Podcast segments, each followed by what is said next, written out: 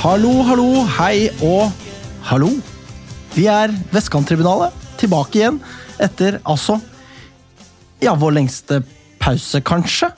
Det må vel nesten, nesten være det? Eller hva tenker du, eh, Magnus, som jeg har med meg? Ja, den lengste pausen var vel kanskje fra sesongen 2019 til den ene sendingen vi har hatt siden. Men vi har, vi har ikke vært i studio på nesten to år. Så topp to lengste pauser. Absolutt. Ja. Men dette med studio, det er essensielt. Folk hører jo det. Vi sitter her eh, og koser oss eh, hos moderne media. Vi er tilbake her i studio Rogan. Dette er Rogan, ja. Kanskje Altså, det flotteste ikke- studioet? Fordi det er gull, gull og sølv. Det, jeg har blitt enig om Vi skal egentlig ikke prate om det greiene her, for ingen bryr seg. Jo, men nå må greier det at Ja, okay. lytterne forstår at vi er ute av trening. Vi er kjølige i trøya, vi må varme oss opp i trøya, Ja. og vi må bruke sendetid på det. Ja, men hva er, det siste, hva, er det, hva er det siste studio? Fordi det er uh, YouTube. Rogan. YouTube er det siste, ja. Stemmer det. Men nå hørte jeg en annen stemme her. Hvem er du? Oh la la. Eh, Det er meg, eh, Nikolai. Nikolai, ja. Selvfølgelig er det deg. Morten, Olala blant venner. Oh la la. Jeg, jeg tviler på sannhetsgehalten i det der. Men uh, en som definitivt kalles Olala blant venner, det er Morten. Det er Morten. Og han er ikke her. Han er ikke her. Fordi Morten er på hytta. Det er han. Han må gjøre feriegreiene sine. Han må gjøre feriegreiene sine. Så det er jo synd. Men uh, Det blir dobbelt så lang sending hvis jeg skal gjenta alt du sier. Det er faktisk sant. Ja. Så du kan stoppe med det eller fortsette med det. Kommer litt an på. Vi kan se det an underveis. Mm. Hvis sendingen blir veldig kort, så kan du begynne å gjenta alt jeg sier. Sånn vi, vi får strukket den ut, da. Det skal jeg få til. Ikke sant? Eh, Det er jo atter en gang ganske morsomt å tenke på at jeg synes i hvert fall det, at vi vet ikke hvor lang sendinga blir. Lytteren kan jo bare sette på pause, eller kan bare se på displayet på telefonen sin, eller iPaden sin, eller PC-en, eller hva som helst. Så kan de se hvor mye det er igjen. Vi vet ikke det, så vi sikter på i hvert fall en time, og så får vi se åssen det går. Ja, det gjør vi. Eh, eh, og da må vi jo starte med det vi pleier å starte med. Hva har skjedd siden sist? Det er jo som nevnt en himla lang tid siden vi har snakket om det, så mye kan fortelles her. Eh, Men Nicolai, Nikolai, kan ikke du fortelle? Hva har skjedd i ditt liv siden sist? Siden november? Oh, det er ikke så mye. Men uh, nei, Hold jeg jobber Finn på noe, ja, da! ja, ja, ja, ja, ja. Ikke hold kjeften, da. Ikke Du må liksom selge meg opp litt, da. Nei, altså, jeg jobber fortsatt med det samme. Jeg jobber med voldsutøvere da, og familien deres, og det kan vel uh, si at det er nok å gjøre om dagen. Dessverre. Fremdeles, ja. ja. Um, ja. Det har ikke tatt seg opp eller ned, alt ettersom hvordan man uh, det har tatt seg opp, ja. Ja, altså Ja, at det har blitt mer å gjøre, ja. Mer å gjøre. Ja, ja. Enda mer å gjøre! Eh, ja, ja. Å, uff da. Ja. Så det er jo trist, selvfølgelig, men en eh, spennende jobb. Og så der driver jeg og tar en eh, spesialisering i emosjonsfokusert terapi. Ikke sant. Mhm. Så prøver å bli psykologspesialist i løpet av noen år nå. Det er jeg sikker på at du får til. Tusen hjertelig. Jeg er også 100 sikker. Jeg er også sikker, fordi de fleste går igjennom. Ja, jeg skal ikke overse det, altså 97 sikker. Ja. Fordi at Hvis ikke så blir det bare sånn tull. liksom. Blir urealistisk, da. Mm. 100 sikkert. La oss si at du faller og knekker beinet. ikke sant? Det kan skje. Jeg får en psykisk knekk. altså Sånne ting kan skje. Jeg får brukkede ben. eh, Jeg er jo ikke avhengig av benet mitt på jobb.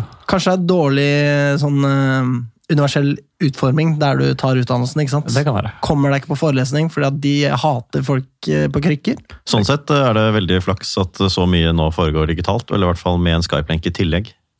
Eller er. Teams, eller Zoom. Ok, Så her er det øker sjansen til 99. Jeg bikker det opp til 99, jeg gjør faktisk det. det. Ja. Så ellers utover det så har jeg fått eh, samboer. Samboer, ja, ikke Det sant? Det er, det, det er eskalerende Ja, forhold det- her. så det bygger seg opp. Og så nå som verden er i ferd med å åpne seg opp igjen, så betyr det også at uh, min eh, yndlingshobby utenom fotball, badminton, er i gang igjen. Wow. Ja, det var Ja, Hvordan blir det med badminton-pod? Badmintonpod, den ligger eh, og Jeg ligger og ruger litt på den, og venter på nye medlemmer til panelet. Nettopp. nettopp. Hvor mange er dere i panelet så langt? Eh, Det er én. Det er deg, ja. Min eh, badminton, mine badmintonkunnskaper er noe høyere enn de var før OL. Ja, flott. Har du sett? Så det var noe, ja. Mm. Ja, det er ikke Er det? verst. Så det er det åpenbart i badminton-miljøet at det er litt sånn forskjell eh, mellom ulike deler av verden. Eh, Ja, eh, det er noen deler av verden der hvor badmintonmiljøet er litt større enn andre. Det er det jeg tenker, ja. ja.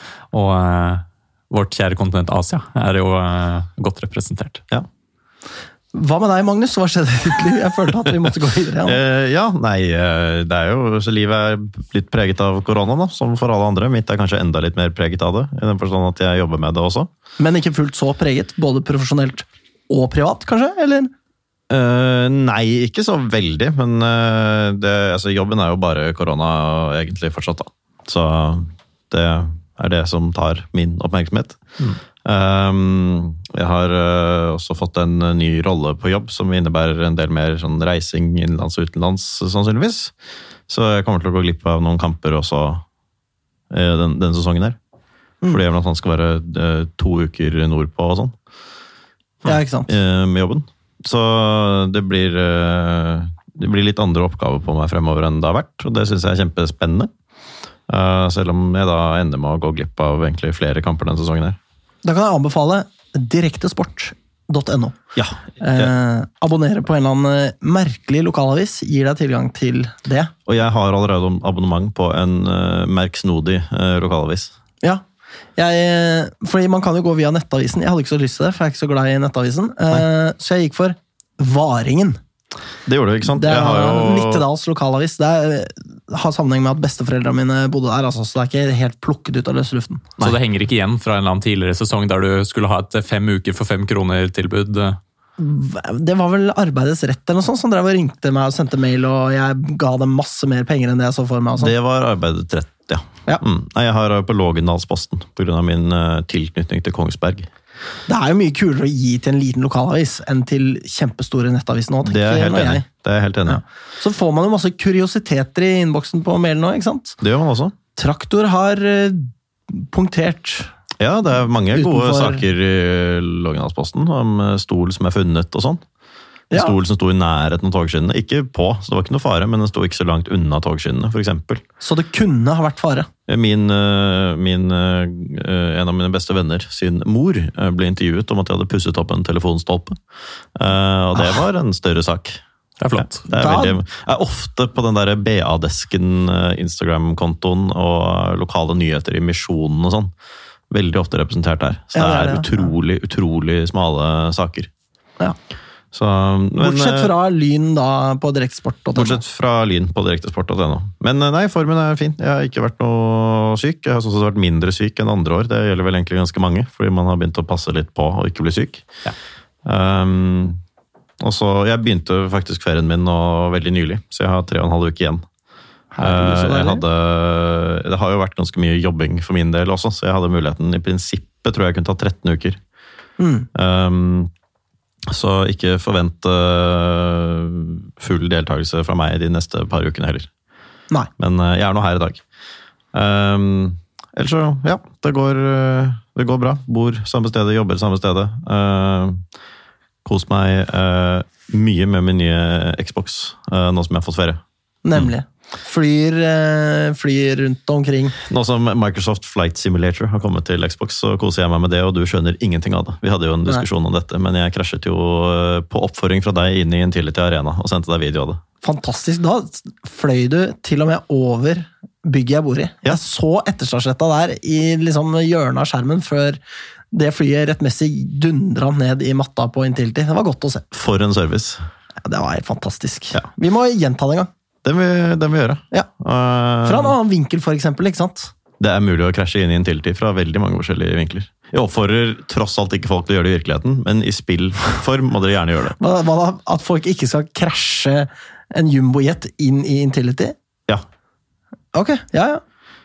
Ja, jeg Altså, hvis- føler liksom ikke jeg kan sitte og aktivt oppfordre til det. da. I hvert fall Når jeg sier 'så gjør gjerne det', så må jeg på en måte presisere at da mener jeg i spillform. Ja, ikke sant? Kan bare se, titte hånlig på stadion når man går forbi, eller Full støtte. Ja. Eller ser folk uh, rappe sykler når man er på vei inn på kamp der og sånn. Nok om jumbojet inn i en tidlig tid, eller? eh, Ja. eh, Imaginære som sådan. Ja. Eh, da kan kanskje jeg fortelle litt, da? Da kan du fortelle Ja, litt. Hvordan går det med deg? Nei, det går bra. Det er jo eh, eh, barnekjør Altså, på et punkt så blir jo babyer til barn. Eh, de er liksom barn hele tida, men de slutter liksom å være baby. Eh, og det har liksom skjedd for vår del, da. Eh, min sønn er liksom ikke lenger baby. Han eh, begynte i eh, barnehagen i dag, faktisk. Yes. Så jeg er Jeg spiller overrasket. Ja, du spiller overrasket, for jeg har fortalt det tidligere i dag. Men Du jeg er da fortalte det for noen dager siden også. Ja, så jeg er noe fortumlet. Jeg har jo jobbet masse i barnehage, vet hva det går ut på. Men det å sende sitt eget barn dit, det er ganske annerledes. Det må jeg bare si med en gang. Så, men det gikk knallbra. Og hun eh, PED-lederen, eh, på et punkt så tok hun han bare med seg. De gikk ut og titta på uteområdet, og han var helt fornøyd med det. og ja, god stemning. Det var et annet barn som dytta han over ende og sparka til han. Eh, Riktignok. Da Helt uten foranledning, bare satte kneet i låret hans eller sånt. ja, Nei, var, han ville vel eh, ha tak i en ball som denne gutten hadde, da. Jeg skjønner. Eh, da kjente jeg det bruste lite grann. Da ble jeg uprofesjonell. Jeg er jo ikke profesjonell i den sammenhengen uansett. Nei. Men da Ja, det syns jeg var litt kjipt. Men min sønn ga blanke faen. Han eh, brydde seg ikke om det. Nei. Så da Er ikke noen konflikt, konfliktskaper, han? Han kan kanskje bli det. Jeg vet ikke. Han kan bli veldig streng når han ikke får det som han vil. Og da er det kauking og skriking og egentlig kjefting, da. Nonverbal kjefting. Mm. Ja. Så øh, det var veldig spennende. Eh, i, morgen blir det kun meg og han i barnehagen. Mor skal på Ikea. Så øh, nå skal liksom livet bli en en normal rundt det der, da. Mm. Og det Hvor mange dager er det dere skal være med? Nei, Det er jo i utgangspunktet tre dager, men jeg har jo fri denne uka. Så jeg kan være med hver eneste dag denne uka. Eh, Men jeg tror ikke at det trengs. Fordi han er, ja, han er trygg og robust og klar for det der. Så veldig, veldig oppløftende, da. Og så var det litt vanskelig for pappa også. men Ja. Sånn må det jo være. Sånn må det være. Ja. Eh, Jeg har også flytta, faktisk. Hvor langt? Eh, noen få meter Nettopp. over bakgården. Så vi eh, er midt i flytteprosessen. Jeg hadde overtagelse nå i slutten av eh, juli, og skal ha overtakelse i slutten av august. Så vi prøver å pusle sammen august måned for å se hvordan vi skal komme oss over i ny leilighet. Da, Mm. da blir det en ettåring med eget rom, som er altså så himla svært. Det er mye større enn rommet til liksom meg og min fru. Så, men eh, det skal vel kanskje bo flere på det rommet etter hvert også. Mm. Vi får se. Å ja vel. Altså, vi- Hvis han får seg samboer, da, for eksempel. For eksempel. for eksempel. Ja. Altså bare ett av flere mulige eksempler. Kanskje, Ja. han, tar, kanskje han adopterer noen? Det kan jo være. Det kan jo være. Kanskje du adopterer noen? Nei. Det, kanskje, det blir i så fall veldig på lang sikt. Ja. Ja. Eh, Så det er spennende og slitsomt. Gleder meg til å bli ferdig med det. Eh, Og, og så må jeg jo si det at jeg aner jo ikke hvordan da sosialisering fungerer lenger, da. Det, det skjønner jeg Merker. Det er utrolig, utrolig rart å forholde seg til mennesker i virkeligheten igjen.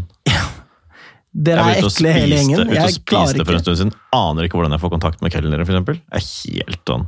Jeg kan jo ikke knipse, det vet jeg fortsatt. Det går ikke. Men, men uh, hvordan man får liksom oppmerksomheten til noen, jeg aner ikke hvordan det foregår. Hvis du synger sånn halvhøyt, kanskje?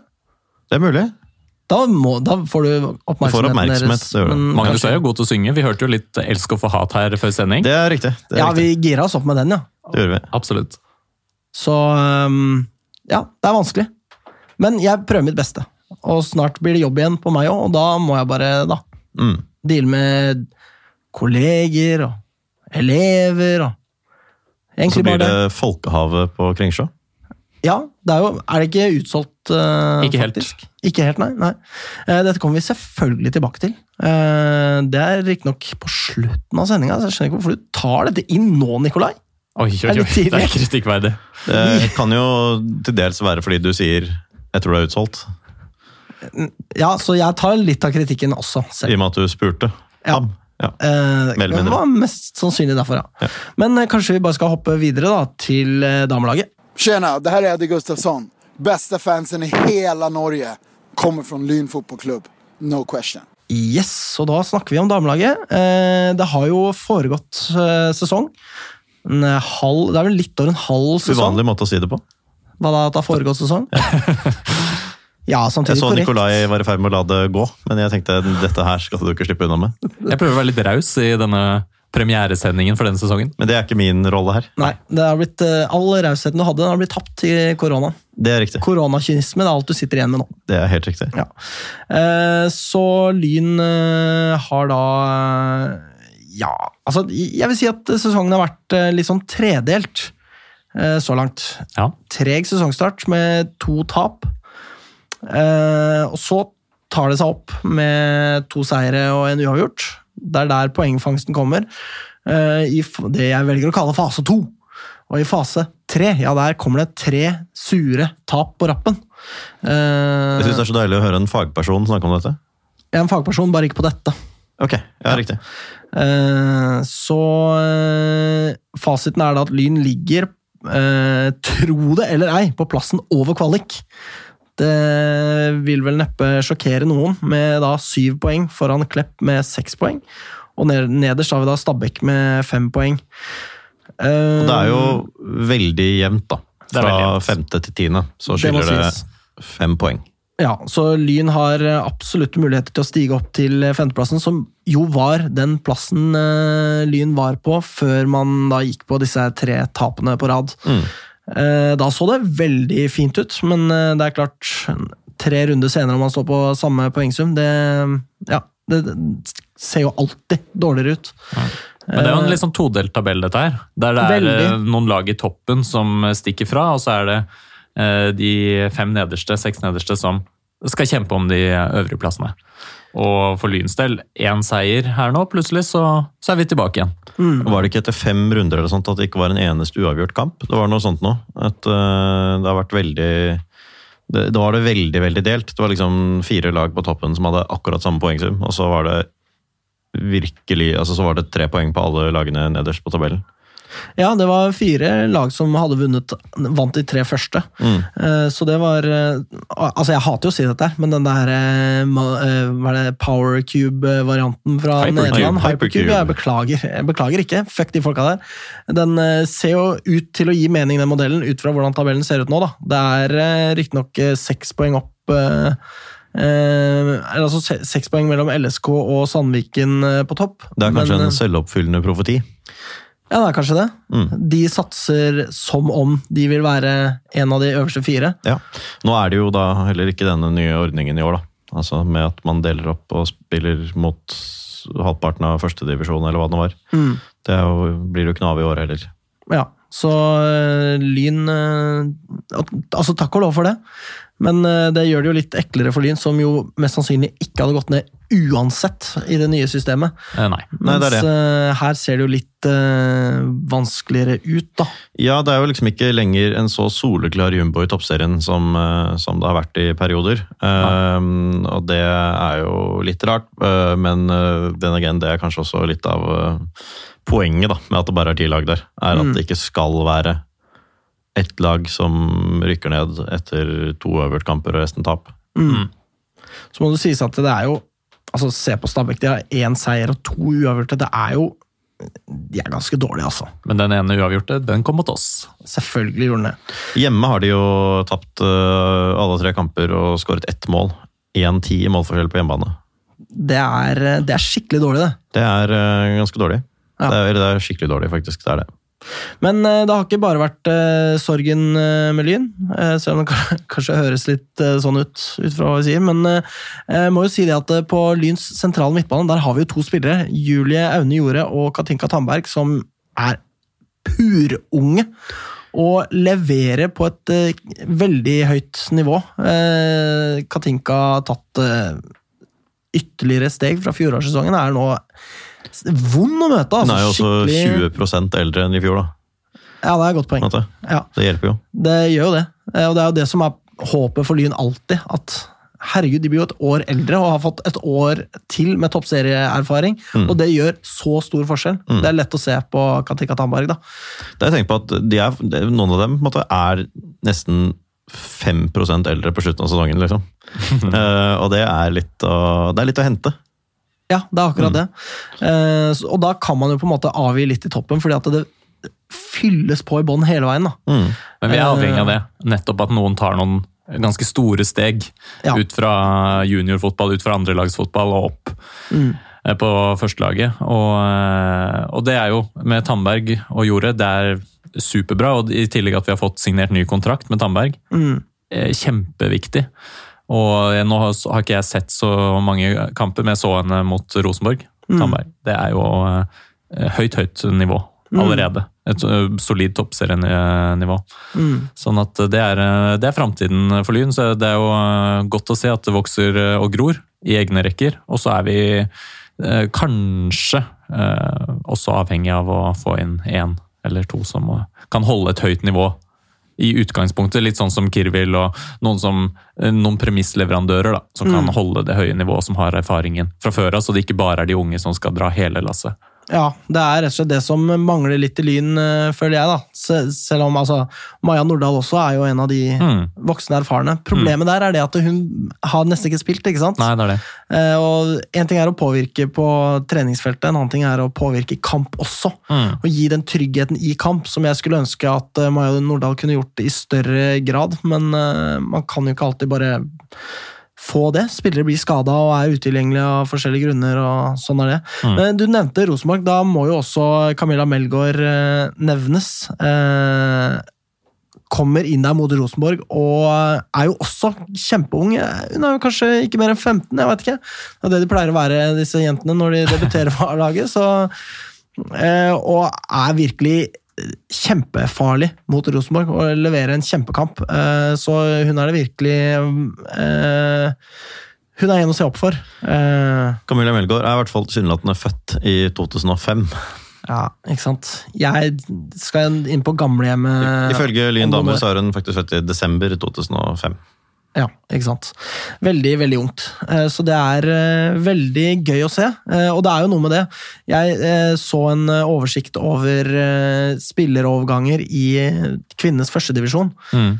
Og der ser du det at de som spiller, altså spillere ut da, fra disse forskjellige klubbene, der har vi skal begynne å jobbe, trapper ned pga. skole, Mm. skal i militæret, Skal begynne på videregående. ja, ikke sant? Og det er sånn virkelig hele veien. da. Mm. Og når du da eh, har disse interessene eh, konkurrerende med fotballen til den grad, Mm. så sier det seg selv at det ikke utgjør det beste utviklingsmiljøet. Nei. Rett og slett fordi det er for eh, mye ut og inn i de lagene, og fordi at, ja, som jeg sier, det er andre ting som frister utenfor fotballen også. Så de ungjentene i Lyn får jo muligheten til å være en del av et utviklingsmiljø, og vil dermed ta antageligvis større steg enn hva Absolutt. de på nivået under har muligheten til. Mm. Eh, og det er jo eh, det er Lyns fordel, og grunnen til at vi virkelig må holde oss i toppserien, for ellers så plutselig så skal de ja, ikke sant, ta en eh, Eirik Bekkelund og dra til USA for å gå på college, liksom. Altså, det er Slutt med det. Og det er bare nivået under toppserien, ikke sant? I herrefotballen er det litt annerledes.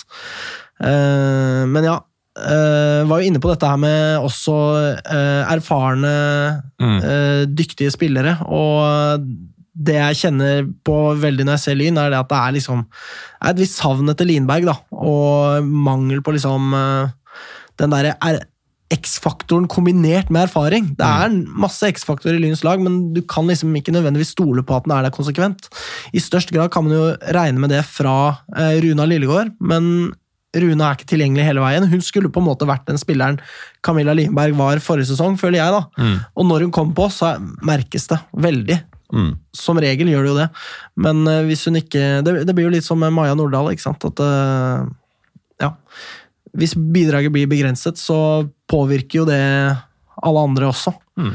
Så det er litt synd, og vi vet jo hva som bor i eh, Runa, så Mm, får håpe at hun klarer å få ja, spille kamp ofte og mye, Å holde seg skadefri.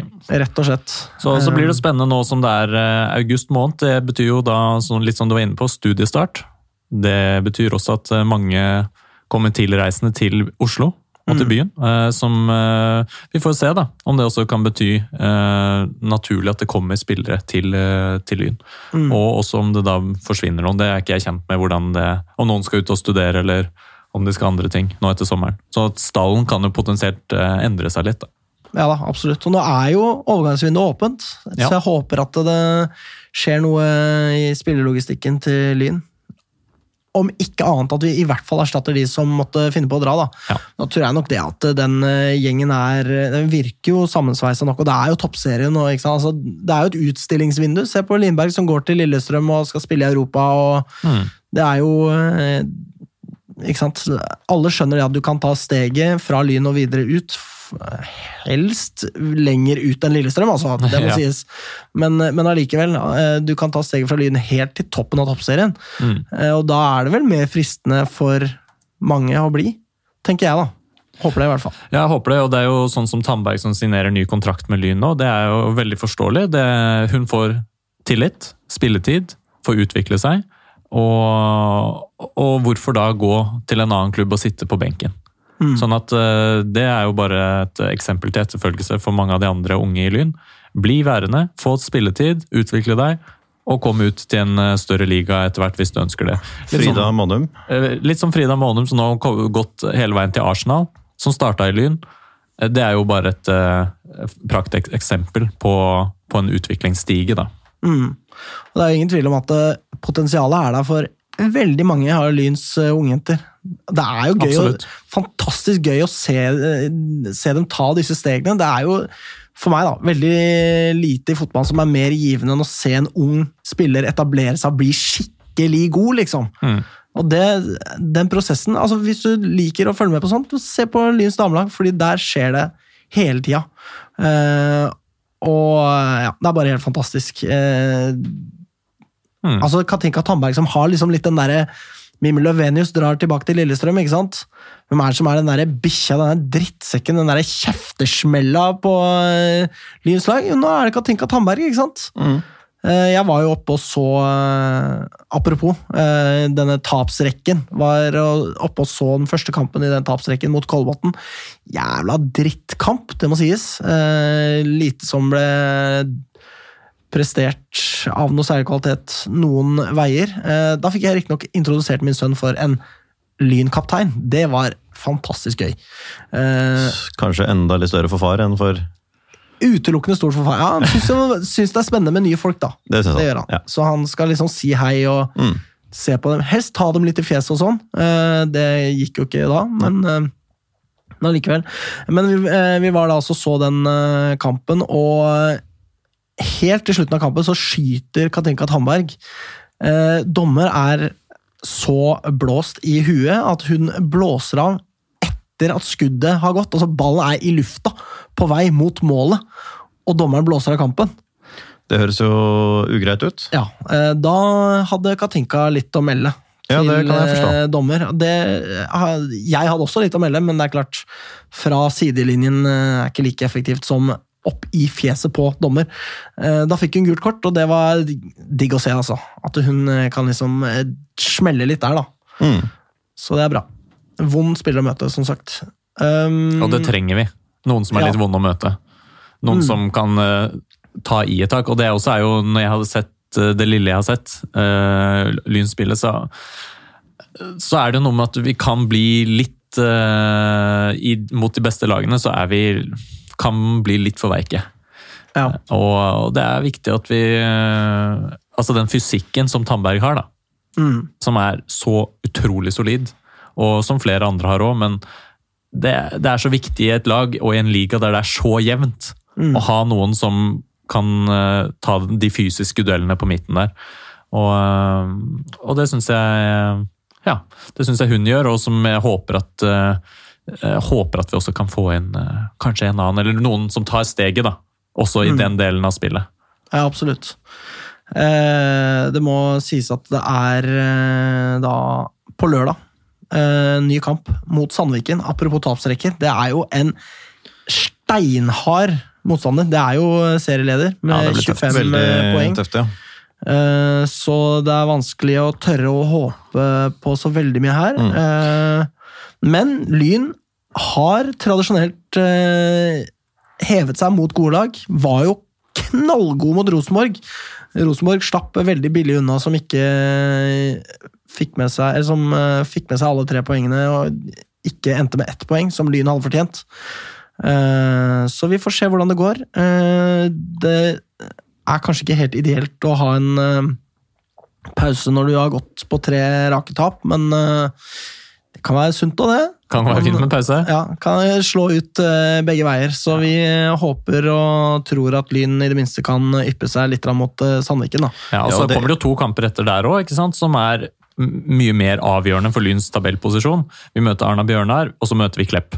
Klepp Mm. ligger bak oss, ett poeng bak på kvaliken. Den er viktig. Ja. Det er en nøkkelkamp.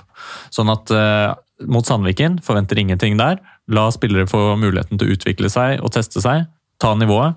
Og så skal det skje mot de lagene som ligger rundt oss, der vi kan plukke poeng. Og de to kampene etter det igjen også, er jo mot uh, de to andre lagene som ligger nærmest oss. Avaldsnes og Stabæk. Mm. Så det er fire, etter Sandvik-kampen så er det fire kamper på rad mot, altså, mot uh, lag som ligger på i vår del av tabellen. da, Fra mellom fem og ti poeng.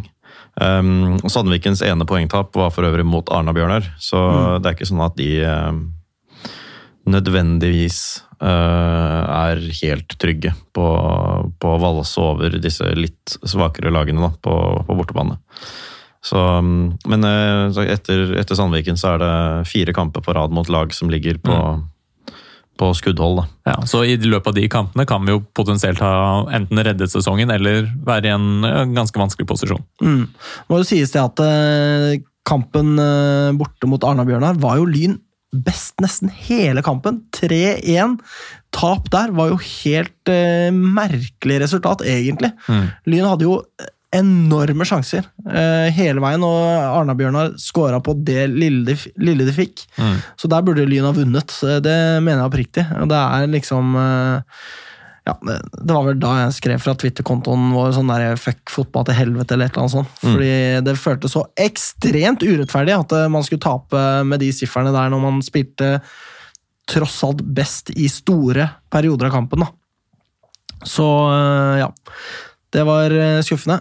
Men eh, ja, som sagt, vi har troen eh, på damene, vi. Og eh, for de som ikke får sett kampen på Kringsjås, så er det bare å gå på direktesport.no.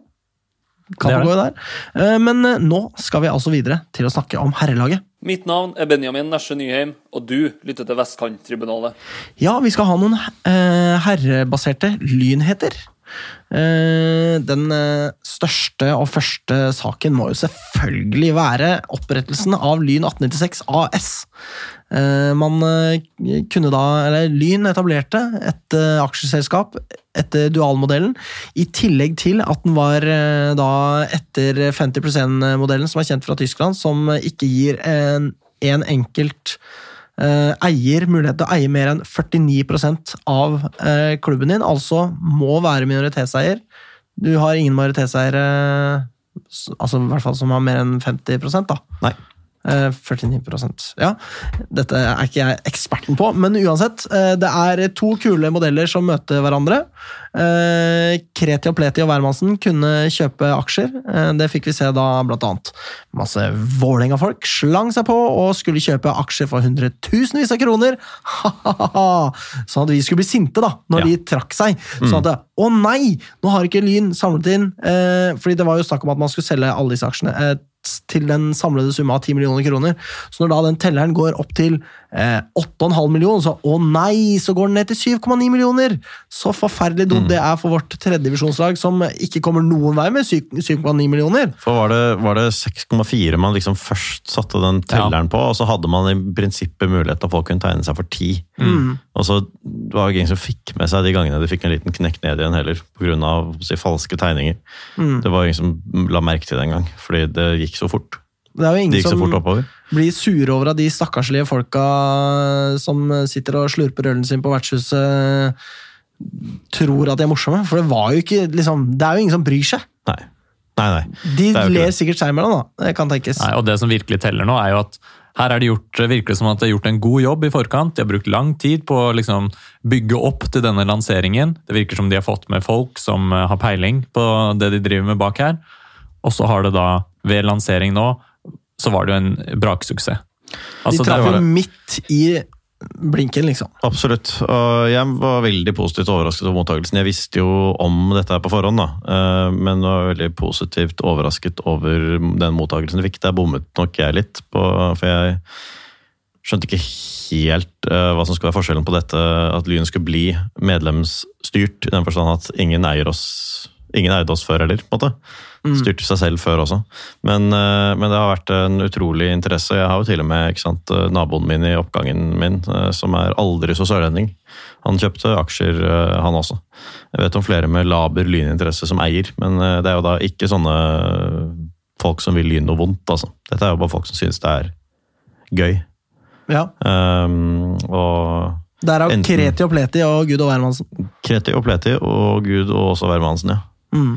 Så Nei, jeg håper jo ikke det på måte, dukker opp noen bivirkninger av det at vi eies av en haug med folk med større eller mindre lyninteresse, men, eh, men det er jo en utrolig måte å klare å sprøyte litt engasjement igjen inn i denne klubben som eh, Ja, det har jo vært eh, Nede med brukket rygg? Ja, det kan man vel si. Det har vært eh, noen småbrudd i ryggen på Lyn eh, etter at man måtte ha stått og ja, ja, bare opp igjen fra tredjedivisjon. Nå har man gjort det ganske lenge, da. Det er vel eh, sjette året med opp igjen fra tredjedivisjon uh, vi går inn i nå, er det ikke det? Det er vel noe sånt, eh, ja. Nå teller jo ikke fjorårssesongen, men allikevel.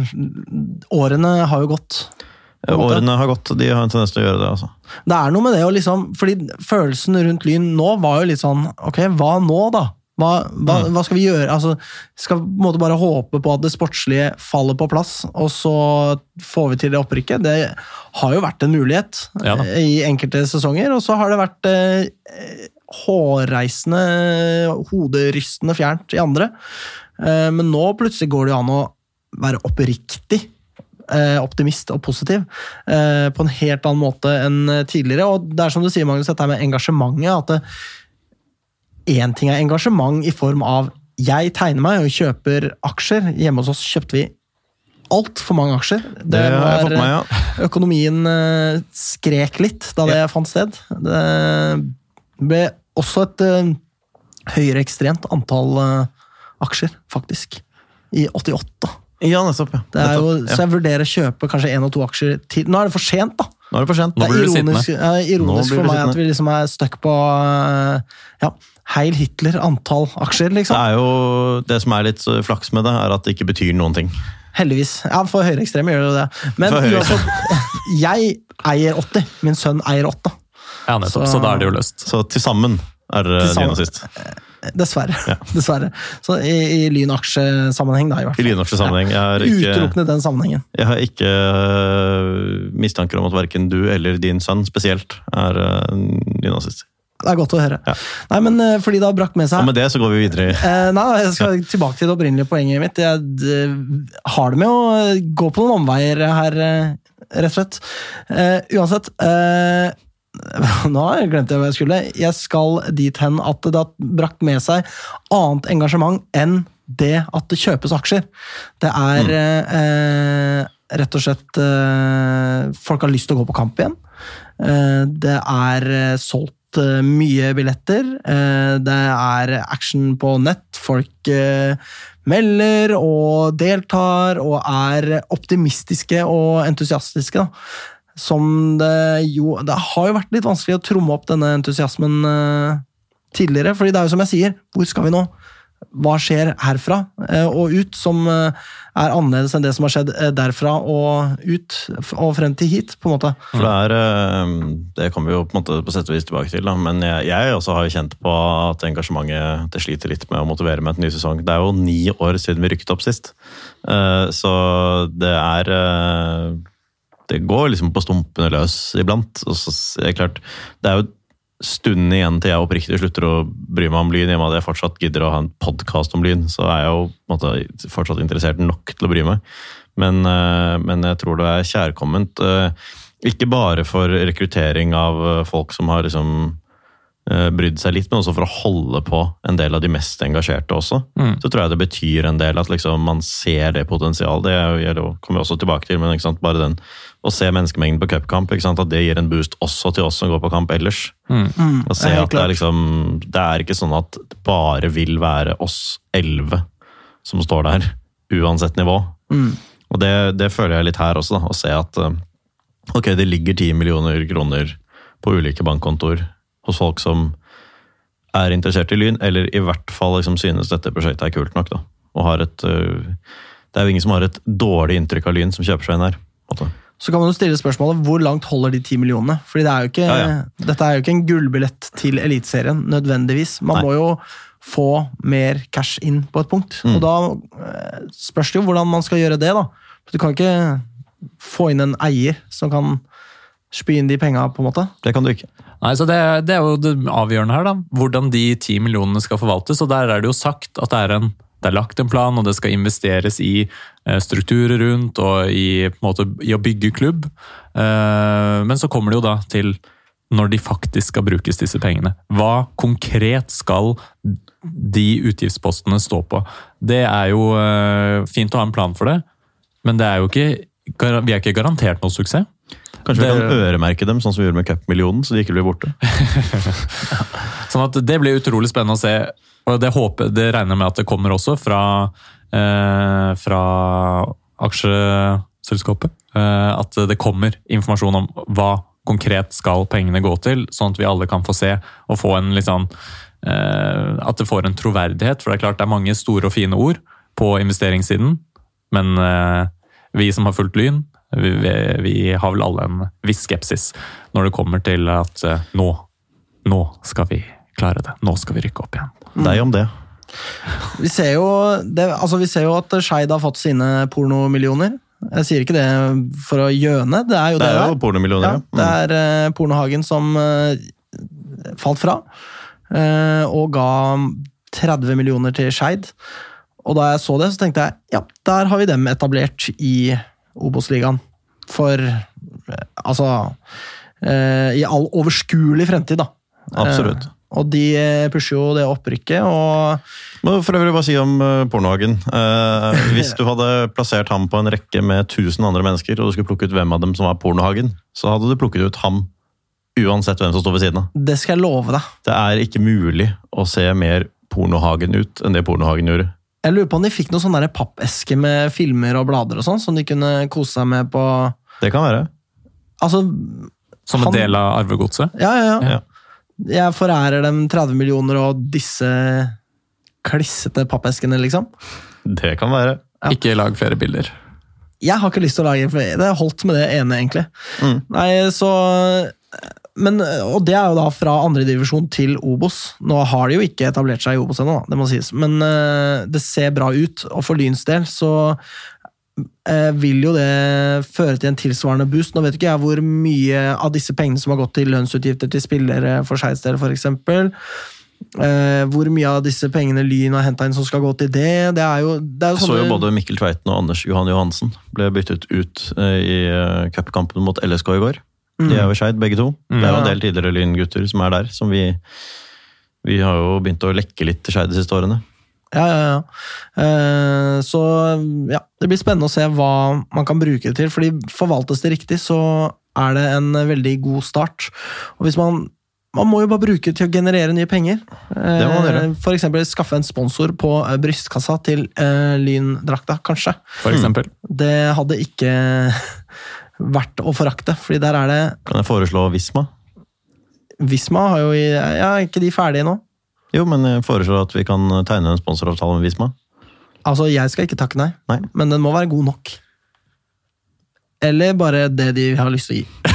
Vi tar med alt. Jeg tenker det. Bare gi oss noen penger, og så samme det. Men eh, Så det blir spennende å se. Det virker jo som om eh, de bruker pengene blant annet på Eller gjør de det? Haugstad er i hvert fall markedsansvarlig for eh, Lyn nå. Mm. Stemmer det. Han skal drive med hva nå enn det betyr. Ja, markedsting. Og ansvar, ikke minst. Eh, Gi penger til Lyn, jeg skal fasilitere det. I guess. Noe sånt. Noe sånt. Eh, Så lykke til eh, for Eirik i den posisjonen. Jeg vet da faen hva jeg skal si. Det hørtes, det hørtes ikke ektefølt ut.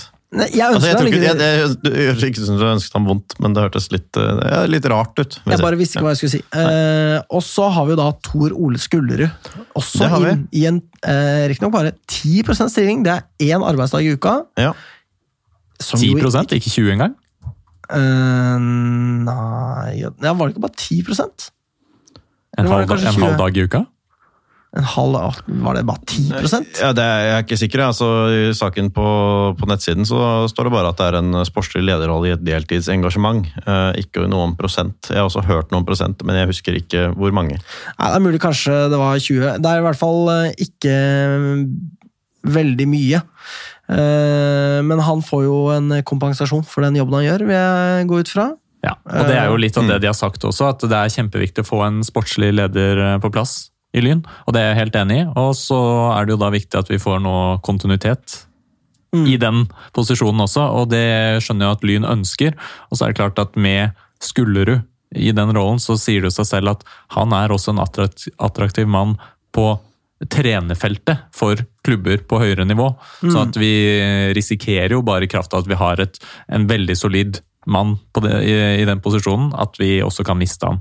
Og nå er det jo utgangspunktet ut denne sesongen han har signert, og så får vi se, da. Jeg håper bare at uh, vi er veldig heldige og får uh, får holde på han. Og han har jo allerede vært, eh, sånn som vi hørte på i peisestuen, at han har hatt en liten finger med i spillet når godeste Noreide, Sander Noreide fra Nardo skulle komme til Lyn. At da var Skullerud på telefonen og solgte inn prosjektet. Og Det er jo- klart det har en tyngde når han ringer. Han, har, han er cup- og seriemester i Norge. Ja.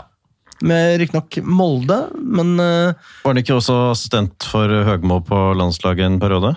har vært eh, sjef for U21 eh, Mm. tidvis. Det er klart det at det lar seg høre når Ja. en spiller fra Nardo blir oppringt av Tor Ole Skullerud. Da skjønner du at, eh, liksom, at det har litt å si, da. Ja, altså det er, jeg vil ikke si det til vanlig, men jeg synes det er nesten sånn, det er sexy å ha en sportslig leder i tredje div som er ekspertkommentator på Eurosport for Eliteserien. Alle i Fotball-Norge vet hvem det er. Han har trent Molde til serie. Altså, det er bare det er noe så osekvalitet, da. Ja, og det er noe med det, liksom Han er ekspertkommentator i kraft av det han har gjort tidligere. Det er ikke sånn at han bare er en eller annen tilfeldig kommentator. Han er en fyr som har skikkelig peiling, liksom. Eh, Så det er veldig fint å se. Altså. Så har jo Lyn et ønske om at det skal bli større Ja, og varig. Eh, og mer varig, så vi får håpe at det blir det. Eh, Selvsagt forutsatt at det funker veldig bra, noe som det virker å gjøre så langt. Eh, Vi har vært eh, litt inne på nye spillere. Nevnte Noreide, som kom inn etter korona. Han er da en forsvarsspiller. Eh, Bekk og stopper, så vidt jeg forstår. Og så er det altså en god del nye spillere. Det har jo gått lang tid nå, så vi kan jo gå litt gjennom den. Det er da Njema Brownell som spiller på midtbanen. Anker, så ut fra hva jeg har klart å få med meg. Ja, sånn sånn ut. Så er det Dan Roger Roland. Så gøy å se det der intervjuet med han eh, før den Vålerenga-kampen. At det liksom han, eh, Det virker som han eh, er engasjert i fotball og har peiling. Og kan liksom melde på en troverdig måte da, hva Lyn skal, og hva kampen skal bli. Og, Og fantastisk sang om ham på YouTube. Det er det. Ja, den er helt, eh, helt fantastisk. Er det mulig å få en smakebit? Uh, sette det på vet jeg ikke om jeg får til. Nei, jeg tenkte Men- fra din vakre røst. Uh, nei, det er helt umulig. uh, men de, nei, det synges om at han er Om at vår mann Daldo er vår store helt. Eh, og Den sangen er grunnen til at jeg iblant blander navnet hans med Dag Andreas Balto, fordi han kalles Daldo. Så, men det, er, det anbefales virkelig. Altså. Det er verdt å, verdt å søke opp den. Så folk må jo bare gjøre det. Dan Roger Roland, Dalton. Er det Hansken og Jay eller sånn som har den? Den er i hvert fall uh, helt uh, Å ja! Hansken og Jay! Ja, nei, det er bare tuller. Aldri hørt han. Nei, uh, det, det regnet jeg med. Men eh, han er eh, Ja, den er eh, forferdelig å høre på, så jeg anbefaler alle den. Ja, Det var Hansken og Jay for øvrig. Vi, Ja, vi heier på Dan Roger Roland. ja. Og det er jo en sinnssykt sterk signering for oss. Ja, det virker sånn. Han, ja. Når du kommer inn i en klubb og tar over kapteinsbindet fra ingen ringer enn Benny, liksom, det lar seg jo høre, det. Mm. Jeg håper at det var sånn eh, Alle var med på det, og at det var eh, ikke bare var noe som ble nappa ut av hendene på Benny, av armen på Benny. Ja. Av armen, ja. Eh, Men da må Men- det trekkes forbi hendene. godt poeng. Eh, så det Han eh, markerer seg allerede. Eh, Han har jo vært, tross alt, selv om det har vært korona, i Lyn et år, da. Det er akkurat det. Eh, Samme har Henrik Elvevold. Og Mathias Bianes. Elvevold eh, virker som han har gått rett inn på Lyns eh, sentrale midtbane. Mm. Han ser kjempe, han, jeg syns han så veldig solid ut. Enig i det. Eh, Bianes ble jo titulert som den siste brikken. Så har det kommet en god del signeringer etter det, Ja. men det var riktignok den siste brikken før 2020-sesongen, som aldri skjedde. Han er jo en litt sånn, eh, Når jeg så på statistikken hans, så så det jo nesten ut som en eh, ny sånn eh, Bakken. Eh, Som har putta enormt med mål i fjerde div. Ja. Han skåra 51 mål på 56 kamper, eller annet sånt, så det er jo eh, det er gode tall. Det er sånn det som regel ser ut eh, for en toppspiss i fjerde div, ja. Så har jo Lyn signert spillere også etter korona. Erik Bekkelund er tilbake. Plutselig kanskje midtbanespillere. Det er vanskelig å se for seg hvor han skal være nå. Han spilte stopper i førsesongen og har vært litt overalt. Helst skulle jeg sett ham på bekken, men igjen, der har vi jo eh, strålende unggutter som kommer opp og frem, som eh, vi kanskje ikke skal eh, sette, stikke kjepper i hjula på. Nei. Men er Bekkelund best? Altså, ja, det er spennende! Det er kamp på søndag allerede. Faen, jeg gleder meg, ass! Men det, det var også i den ene tellende kampen Lyn har spilt denne sesongen, da, så, så var det jo litt deilig å se at vi hadde ganske bra navn på benken bakover på banen, liksom. At det var vanskelig å finne plass til presumptivt veldig gode tredjedivisjonsspillere Mm, i forsvaret vårt. Det Absolutt. er et luksusproblem jeg ikke hadde regnet med vi skulle ha da vi hadde tre spillere i stallen for en uke siden, liksom. Mm. Um, så nei, det var helt uh, fantastisk. Vi har også fått tilbake en, uh, en uh, stor helt i August Randers. Ja. som returnerer til Lyn etter å ha forsvunnet fra Lyn uten at man rakk å merke det, fordi Lyn ikke spilte kamper mens han var borte. ja. Så han hadde på en måte bare et låneopphold, på sett og vis. Det kan man kalle det. Jeg må, skal ærlig innrømme det. Jeg ble veldig skuffa da han dro. Jeg ble ja. kjempeskuffa. Du Jeg ble så lei meg. sur også. Jeg ble du ble sur, så oppgitt. Og jeg, for, da husker jeg da, for Jeg var liksom Nei, nei det skjønner jeg, jeg skal sikkert studere på Østlandet, liksom. Men uh, du ble jo skikkelig grinte. Jeg ble rett og slett uh, såra. Ja. Det var det som skjedde. Mm. Eh, men eh, han skal få lov til å komme, komme på godsida mi, altså. Han er godt inn på godsida.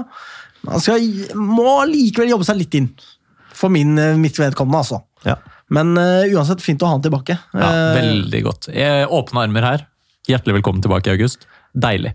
Helt, det, er, eh, det blir lange innkast, håper jeg. Eh, og vi må heller ikke glemme godeste Even Hatling, som jo også kommer tilbake. Fra Stabæk, vel. Godt valg. Ja, fantastisk eh, fint å ha han tilbake. Så det er liksom, de, nå kommer de hjem igjen, én etter én. Og flere av disse har jo Alle disse jeg nevnte, har jo kommet etter satsinga. Det er ikke så godt å vite hvor mye det har å si for de som kommer tilbake, men jeg vil anta at det ikke er likegyldig. Og jeg har jo ymta frem på, på Twitter om det at eh, det nok er flere som angrer på at de har dratt. Så får vi se hvordan det er med ja, visse rundt omkring som kanskje har fått det bedre andre steder. Tenker på en eh, viss herremann i Kjelsås, for eksempel. Kanskje. Han er kanskje fornøyd med sitt valg. Han er, vel ikke, han er vel ikke Kjelsås lenger, han? For å si det sånn. Han er vel det? Hva heter han igjen? Hvem er det du tenker på? Sturle Ottesen? Nei, nei, nei. Oh, ja, det var han jeg trodde du tenkte på. Nei, For han trives godt i førsteelveren. Det var det, det var det jeg tenkte på, ja. nei, det var ikke han jeg tenkte på. Hanstad? Eh, Hanstad, ja. Ja. Ja, Ja. riktig. Som liksom er neste, da. Men eh, sånn er det. Eh, trenger ikke å dvele mer ved det. Eh, Lyn har også hentet inn eh, Nomel. Fornavn har jeg ikke skrevet her. Eh, Peder. Peder Nomel. Eh, angrepsspiller, ut fra hva jeg kan forstå. Eh, så ja, han vet vi ingenting om. Skåra riktignok i første sesongen, da. Har gjort det. Ja, men han er solid, og det er jo flere av de som har kommet inn her nå, som har erfaring fra Post Nord. Altså av eh, nivået over. Levert masse, kjørt rundt med lastebil. Absolutt. Nei, beklager. beklager. Nei, men det, noe, det, er, det sier noe om ambisjonsnivået og det vi holder på med nå. Vi får inn spillere som har erfaring fra et høyere nivå, som definitivt skal være Det skal være godt nok for nivået vi er på, og for å være et topplag i tredje div. Og det er deilig når det kommer inn eh, spillere som ikke bare har spilt eh, ti minutter her og der på slutten av eh, noen Post Nord-kamper, men som har spilt fast. Og, eh, og da er det Det er bare så digg å se en spillerstall som er liksom proppa av Post Nord eh, og Obos, og til og med eliteserieerfaring. Sånn at eh, det er eh, Det ser veldig bra ut, og nå når vi til og med har litt konkurranse om de fleste plassene, så er det jo en uh, luksussituasjon for Bent Inge, da. Og apropos Han var han var, han var, han var, han var, han var Pellegrino han var... Altså, det kan tenkes at han signerer. Det kan tenkes. Uh, jeg tror det er sannsynlig. Ja. Uh, han har PostNord-erfaring, han. Det har han. Uh, og vi vet jo hva han uh, står for, med tanke på hva han leverte for Lyn før han dro. Fy faen, for en spiller! Og jeg Mm. må si det, det er ikke bare gøy å få Anwar tilbake, hvis han kommer tilbake. vil jeg merke. Det er gøy å få mora hans tilbake også! Ja. Fordi hun er type, altså. Hun ja, artig, artig dame. Jeg synes for øvrig det er litt artig også å se på innspillingsgreiene våre her, at eh, plutselig så var det liksom liv i alle fire mikrofonene. Det var vel da det ble dunket i, Eh, Vi antar i det. Det er veldig viktig at det dunkes under den sangen. Det må dunkes litt. Vi skulle hatt en tromme ideelt sett, da. Ja. Ja, hvor er Jørgen når man trenger ham? Ikke her. Nei. Vi trenger deg, Jørgen. Eller Vålerenga-folkene, som fikk en tromme levert til Stensparken før kampen sist. Kom en bil, rygget inn, en fyr løp ned, hentet en tromme og løp tilbake igjen. Samt andre varer. Vi kommer tilbake til det. Vi, Vi kan jo også det. si nok en gang at uh, vi kommer til å gå over timen i dag. Uh, vi har ikke vært her på uh, over halvannet år. Og det er jo en sesongstartsending hvor vi ikke forholder oss til vårt normale format. Lytterne vet allerede. Ja, Men jeg kan jo si det likevel. Ja, nå hadde det komisk hvis vi ikke gjorde det, da. Men eh, vi skal ha en liten pause, og så skal vi eh, snakke litt om hva vi tenker om Lyn denne sesongen.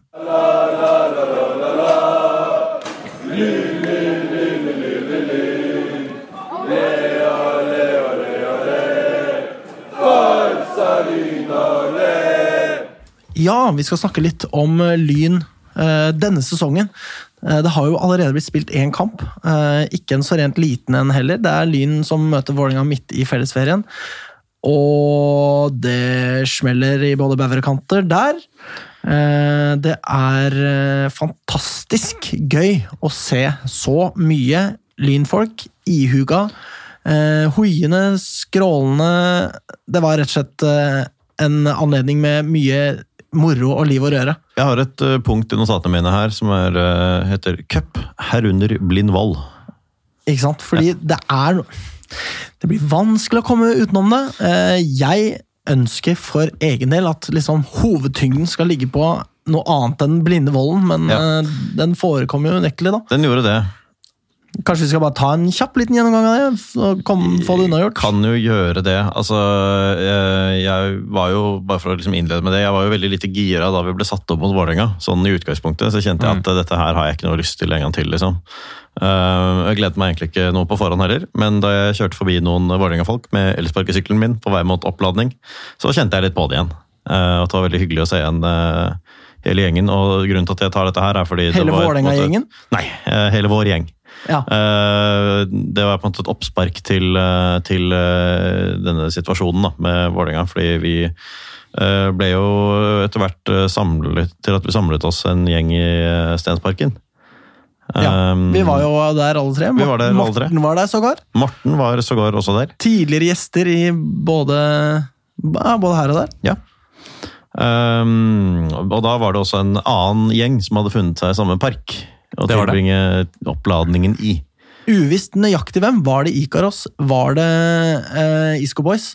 Ja, det kan man jo det, jeg, skal ikke, jeg kjenner jo ikke igjen ansikter. Jeg kjenner ikke igjen mine egne venners ansikter. Så jeg kjenner i hvert fall ikke igjen ansiktene til disse menneskene her. Altså for å si det sånn, Den distinksjonen blir jo mer og mer uklar, da. Spesielt i lys av hva som skjedde senere. Absolutt. Um, og så gikk de tvert nedover mot eh, stadion. Eh, Ja, på veien de, så Altså, Vi gikk nedover, men det som også hører med til historien, var at vi hørte dem jo skrike og skråle, og det er jo hyggelig, det. De koste seg og festa og gjorde seg klar til kamp, som Mm. Ja. er tommel opp og tipp topp og bra. Det er i seg selv helt i orden. Um, og så sto de rundt om i buskaset og inspiserte pulver med neseborene sine.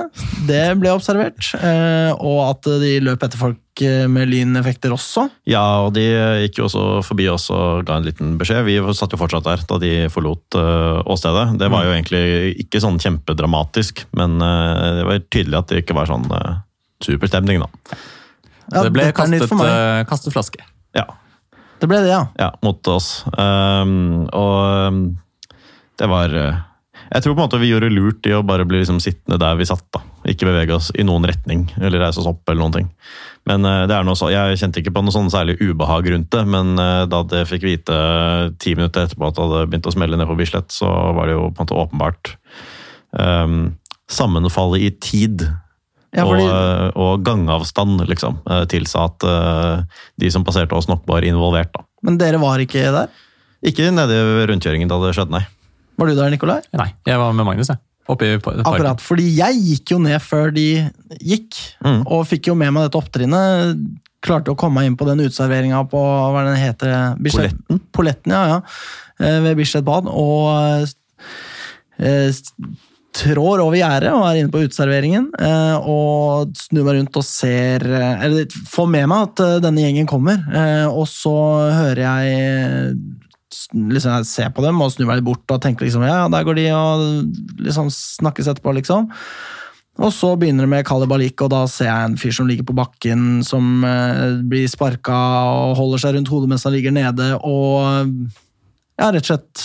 eh, Og før det, og mens da ølbokser og ølflasker kom susende, da. Eh, ikke fra uteserveringen, som eh, jo knøler har påstått, men det var, eh, heller det var en, inn. eh, en fyr i, eh, under en Facebook-status eh, fra vår gode venn Jarl, som annet eh, argumenterte for at eh, Lyn måtte ta et oppgjør med sine risikosupportere. Som jo er veldig Eh, komisk, fordi Det hadde lært av Listhaug og Vedum i debatteknikken, for å si det sånn. Eh, Men eh, jeg, var, jeg tror aldri har sett noe svakere retorisk. Og det er noe med det det. er liksom sånn uh, bildebevisene som brukes av annet klanen. som er noe, altså Jeg mener, jeg skal ikke si at jeg hadde veldig mye respekt for klanen, men det er noe med det når de skal gå ut og liksom male dette her som en sånn derre begge sider-tilfelle, og bruker det som et bevis. En uh, lynsupporter, supporter fordi at det var jo beviselig det, en fyr med lyncaps som uh, bærer et bord på vei mot Vålerenga-supporterne, men dette er jo inne på uteserveringa. Eh, og hvis man ser hva som er utafor uteserveringa, så er det et fortau, og så er det en vei, og så er det et fortau til. Ikke sant? Og disse Vålerenga-folka, ok, greit, så kan de gå i veien, da. Det er liksom sånn man liksom eh, gjør litt ut av seg. Men de var jo Altså, fra fortauet over veien og over på det andre fortauet. Jeg, måtte, jeg som sto inne på uteserveringa, måtte ta et par skritt tilbake og til siden for å komme unna dette opptrinnet som utfoldet seg rett foran øynene på meg. Eh, Og da er det litt sånn kostelig å si ja, de er like gode når det er noen inne på uteserveringa som pælmer et bord fra uteserveringa over på fortauet på uteserveringa sin side. ikke sant? Dette er jo helt åpenbart noe man gjør i selvforsvar. Mm. Jeg, det, men det vet jo de som sier dette her også. ikke sant? De vet jo. De Ja, bare, de bare, de bare snakker ikke sant. Jeg er Det litt usikker liksom- på om de faktisk skjønner det sjøl. Her er det en løgn som på en måte bare spinner ut av kontroll. og da tenker jeg sånn, Er det virkelig sånn at klanen går og snakker med Ikaros og hører først hva de har å si om dette her? Mm. Eller Ikaros eller Isco Boys, eller hvem, hvem nå enn dette her var. Eh, og, Ika Boys. Ja, og da, da blir det hele ganske suspekt, da. Eh, så er det også liksom Vålerengas eh, eh, pressetalsmann som er sånn der Ja, ja, ja, vi vant både på og utenfor banen, sier han rett etterpå. Som er sånn Følger, følger ikke denne fyren med på hva som foregår? Vet ikke han, liksom hyller disse supporterne som, jeg, eh, som står i bar overkropp i bortesvingen der. eh, Som jeg ikke sant, Jeg ser på TV i ettertid, hvem som står der. Og jeg kjenner igjen fjesene fra de folka som angrep uteserveringa. ikke sant?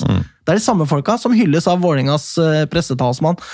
Og da er det liksom de, Ja, men jeg de tror ikke vi skal unnskylde dem at de kanskje ikke vet. altså. Eh, De, de vet, de jobber med dette, de er klar over det. De er en del av miljøet. De, de vet veldig godt hvem disse menneskene er, de vet veldig godt hvem som satte det i gang.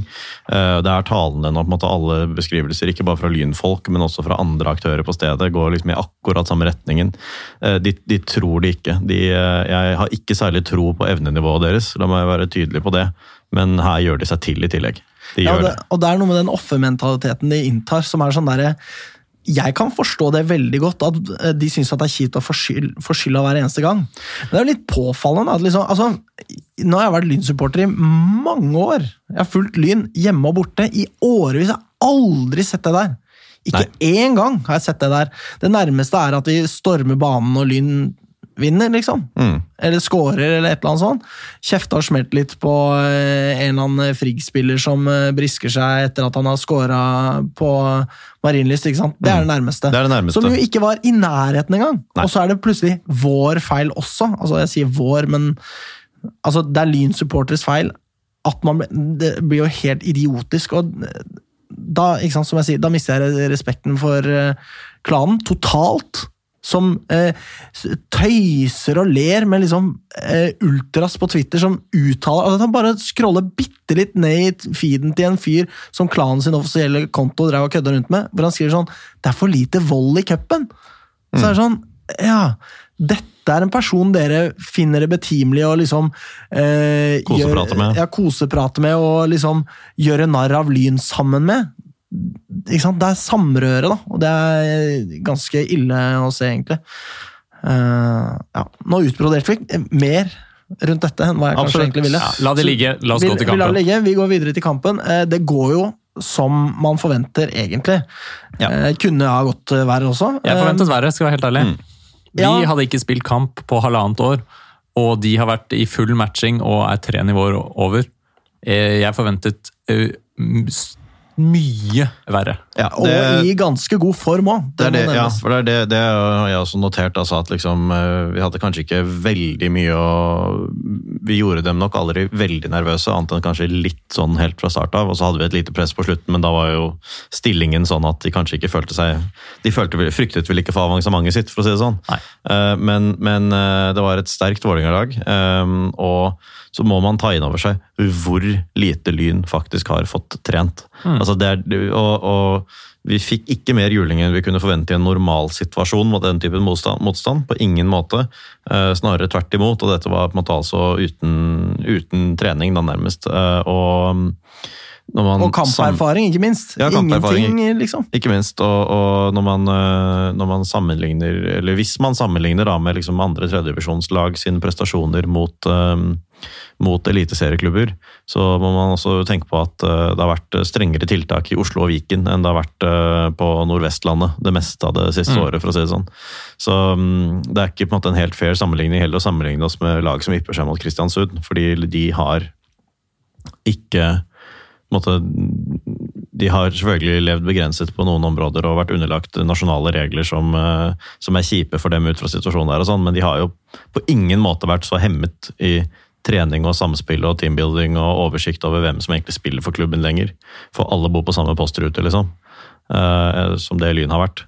Det er um, det er så himmelvid forskjell da, på, på Lyn og både Lyn og Vålerenga, men også Lyn og andre klubber i tredje divisjon siste året. Ja. Og det, det, for min del, det jeg sitter igjen med etter den kampen, er jo Det var gøy å være på match. Mm. Det er gøy å være på match og se Lyn spille, og det var digg å være på Bislett. Det er en stemning der som er helt uh, unik, og, og det er det, er ikke det har ikke vært hver helg, eh, også i 2019 og 2018, for å si det sånn. Der det var oppriktig gøy å, å være en del av supportermiljøet på Bislett. Sånn at eh, det, det var utrolig stas, rett og slett. Så mange syngende.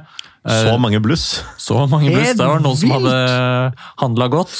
Og, og i tillegg den opplevelsen våre spillere, både nyankomne og gamle spillere, den opplevelsen de fikk ta del i altså det, er den må, det kan ikke jeg beskrive, for det har ikke jeg opplevd, men det må ha vært stort stort. Jeg tror, det, jeg tror det er mange vestkantfolks uh, hytter i Kragerø uh, hvis båter er tømt for nødbluss av tenåringen rett før han skal hjem til Oslo nå, for å si det sånn. Det tror jeg. Nei, det var en virkelig vitamininnsprøytning, altså. Uh, Det å stå på store stå og ja, virkelig Det kokte godt, altså. Mm. Sang gjennom hele kampen. Og, Jeg ble jo stående på første rad på stående felt til slutt, og det var helt vilt, altså. Hvordan det kokte. Og den blussingen også. Du bare hørte det der poppet, og, pst, og så så det rundt, og så var det en nytt, eh, ny måte å bli røyklagt på. Ja, det er jo noe med det å liksom bare understreke det at altså Vi er ti år Altså vi er elleve år etter konkursen. Elleve år siden Lyn spilte sjettedivisjon på fuckings mm. Nesøya og BE Athletics og alt det, alt det greiene der. Det er elleve år med bare fuckings ingenting. Mm. Og så klarer man å liksom mønstre det der. Eh, og en ting er det, liksom, Selvfølgelig kunne vi vært flere og alt det der, eh, men uavhengig av hvor mange vi er, så er det noe med intensiteten i det som leveres. Eh, og liksom det derre ønsket og den viljen mot å være noe større enn det vi faktisk er per nå. Og det gjør jo Lyn helt unike. Og det er derfor det er så fantastisk gøy å se. altså jeg tenker på, jeg har nevnt dette på Twitter, men det er verdt å nevne her òg. Alle disse spillerne som eh, akkurat har kommet til Lyn. og Da tenker jeg på liksom eh, Reinaldo og eh, Øyvind Knutsen og ikke sant? disse spillerne her som opplevde Lyn på slutten av eh, 2019-sesongen. og Da var det jo helt skåret inn til beinet, ikke sant? Det var det. Og så opplever de det der. Og det må jo være helt vilt for dem. Og så har vi mange spillere som eh, får sin debut for Lyn i disse kampene her. Eller eh, juniorspillere som har spilt noen få kamper. Ola Hognerud, eksempel. Mm. Som har spilt noen få kamper på slutten av 2019-sesongen. Han har vært Lyn-junior hele livet. Dette skal han spille for ham plutselig! Det kaoset der, det fuckings infernoet der eh, altså Håkon Sjåtil, eh, Dan Roger Roland, eh, Henrik Elvevold altså, Dette er s- Jeg må si Daniel som Schneiders uh, fossblødning for drakten også. i Ja, perioder. fy Det var helt altså. eh, rått da han i- lå nede. Han bare gikk bort og skrek ham i ansiktet og gikk videre. Da snudde jeg meg til Ja, Morten tvert. deilig, altså. Da, jeg snudde meg mot Morten. Morten sto på raden eh, bak meg. Ja. Morten skrek eh, altså Jeg så blodårene i halsen hans pulsere. Han var helt rød i ansiktet av altså bare sånn der fannivoldsk fryd over det som skjedde. Mm. Eh, I løpet av kampen. Så jeg må innrømme det. Jeg har et lite crush på en eh, eh, mann ved navn Håkon Sjåtil. Ja. Det han eh, presterte i den kampen, men Mm. også mot Follo, som jeg også var og så Han er så god, Ja, og jeg, ass! hadde- for jeg hadde jo fått beskjed om det, at han hadde tatt veldig mange steg og var, veldig bra nå. og liksom At han forsvarte den plassen i elveren sin. liksom at Det var ikke så unaturlig at han skulle starte. Men jeg tenkte jo likevel liksom at eh, må jeg si at liksom sånn, Det går 13 på dusinet av de navnene der, som jeg liksom tenker at det er vanskelig at å liksom, vite hvem som skiller seg ut. Men Noen, noen har jo på en måte tatt steg, sånn som Randers gjorde en gang. ikke sant? At han var en av mange sånne unggutter, og plutselig så viste det seg at han var leverte bedre for A-laget enn jeg skulle regne med, men, men det Håkon Sjåtil gjorde her også var helt, eh, helt rått, altså. Og jeg, altså jeg beit meg merke i han i Follo-kampen, og så har jeg lyst til å liksom da For jeg, det blir jo naturlig for meg å snu meg bak mot Morten Morten fra tid til annen og snakke litt med han og gjøre han oppmerksom på ting jeg ser og sånne ting. Eh, så første gang Håkon da gjør noe i kampen som jeg syns er dritfett, så snur jeg meg rundt til Morten og så sier jeg det der er Håkon Sjåtil, legg merke til han. Han er jævlig god. Og jeg fortsetter å snu meg for å gjøre Morten oppmerksom. Han får det jo med seg, selvfølgelig. Han er ikke så bortreist at han ikke ser hva Håkon Slåtter gjør eh, på banen foran han, men jeg må snu meg mange ganger i løpet av kampen. Og fortelle Peke på Morten, og si at det, så det, Hva var det jeg sa? Se hva Håkon Slåtter Ja, gjør! Igjen og igjen og igjen og igjen. Mm. Og snur meg rundt og forteller Morten hvor jævla fet Håkon Slåtter er. Ja. Eh, jeg digger han. Ja, det gjør jeg også. Jeg synes det var litt komisk også med den buingen på tidligere Lyn junior som har gått til Vålerenga. Ja, ja. Eh, Jeg fikk til og med melding av læreren hans på Tåsen skole, som sa dere buet mye på eleven min. Det synes jeg var ganske, det var ganske gøy. Det var jo sikkert noen klassekamerater som sto på tribunen og initierte det. Det tenkte jeg. Jeg trodde først at de bua på Eirik Bekkelund. Jeg bare Hva Ja, nei, nei. Jeg, jeg, jeg tok meg også den frihet, da, fordi det var noen av de som sto på første rad også, så jeg spurte da, sånn, hva, Ja. hvorfor buer vi på ham? Og så er det sånn, han spilte for Lyn, han spiller nå for Vålerenga. Ok, da buer vi på ham. Ja, ja, ja. Um, det var, synes jeg var ganske Han var vel et stort talent på det 2002-laget. ja, ja, ja. Ja. En av de mange. Så, nei, men det var, eh, det var ordentlig, ordentlig kult, og jeg tror det nivået vi viste her er nok til å slå de aller fleste lag i tredje divisjon, om vi klarer å legge ned samme innsatsen, altså. Eh, Daldo og Noreide med megaflagg. Ja, Ja. nettopp. Daldo fortjener sin egen eh, lynsang eh, etter det. Altså, det er jo et publikumsfrieri uten like, men det er fordi at han lar seg gripe av anledningen. ikke sant? Han tar jo initiativet, Noreide er på først etterpå. Men eh, kjempegøy av dem begge to, altså. Og hyllest fra banen, og Benny står der og hyller oss, og uh, Henrik Lene Olsen står der og hyller oss, og det er bare ja, det er helt magisk. De bare magisk. sto der og holdt hverandre rundt skuldrene og smilte ganske lenge etterpå. Bare så på det, liksom. Ja. Mm. Da, det var litt komisk at du prøvde å dra i gang en sang mot spillerne, hvor spillerne skulle svare. Jeg vet det. Ingen skjønte det Nei, på tribunen, skjønte det så det ble bare ja, Her kommer vi. Ingen skjønte det på banen heller, for ordens skyld. Nei, det hadde de kanskje gjort hvis de hadde klart å holde kjeft. Det kan være. Ja. Ja. Men eh, for en opplevelse, og det er Ja. noe alle sammen tar med seg inn i sesongen, og det er jo det vi skal snakke om også. For en eh, start på eh, liksom, tilbakekomsten nå etter korona. Her får vi en skikkelig vitamininnsprøytning. Vi har troa på laget. Vi ser at det er spennende talenter. Nye spillere som skal gro og tilpasse seg inn i laget.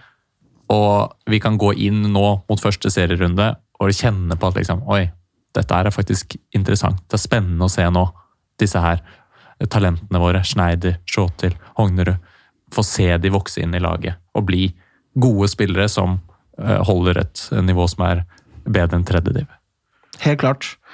Eh, lurer på om vi kanskje skal begynne å snakke litt om eh, treningskampene. Uh, så vi bare gjør det. Eh, Follokampen har jo nevnt. Eh, 3-3 endte der.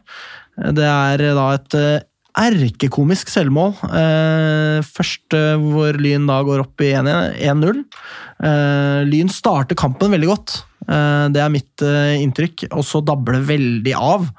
Eh, I den grad at Follo får to ganske fortjente mål. Så, ja, det var ikke ja, Det er jo så jævla misfornøyd med Follo. Jævla drittlag. Det var jo der alt gikk til helvete forrige sesong. Var der virkelig, da, da tok vi altså et svalestup etter den kampen. Etter å ha hatt en sånn halvveis ok sesongstart. Eh, Så det var ikke noe gøy, men eh, Lyn tar jo over igjen. eh, Og skårer da ved Bjørntvedt Olsen og Bekkelund og går opp i 3-2. Og så er det ja, altså sånn tullete selvmål, nærmest. Det er det er vel Lyns keeper som kommer Det er Pedersen, Lyns andre keeper, som kommer eh, Fredrik. Fredrik Peder, ja, kommer langt ut og blir spilt rundt veldig enkelt, og ballen eh, blir satt i mål der, da.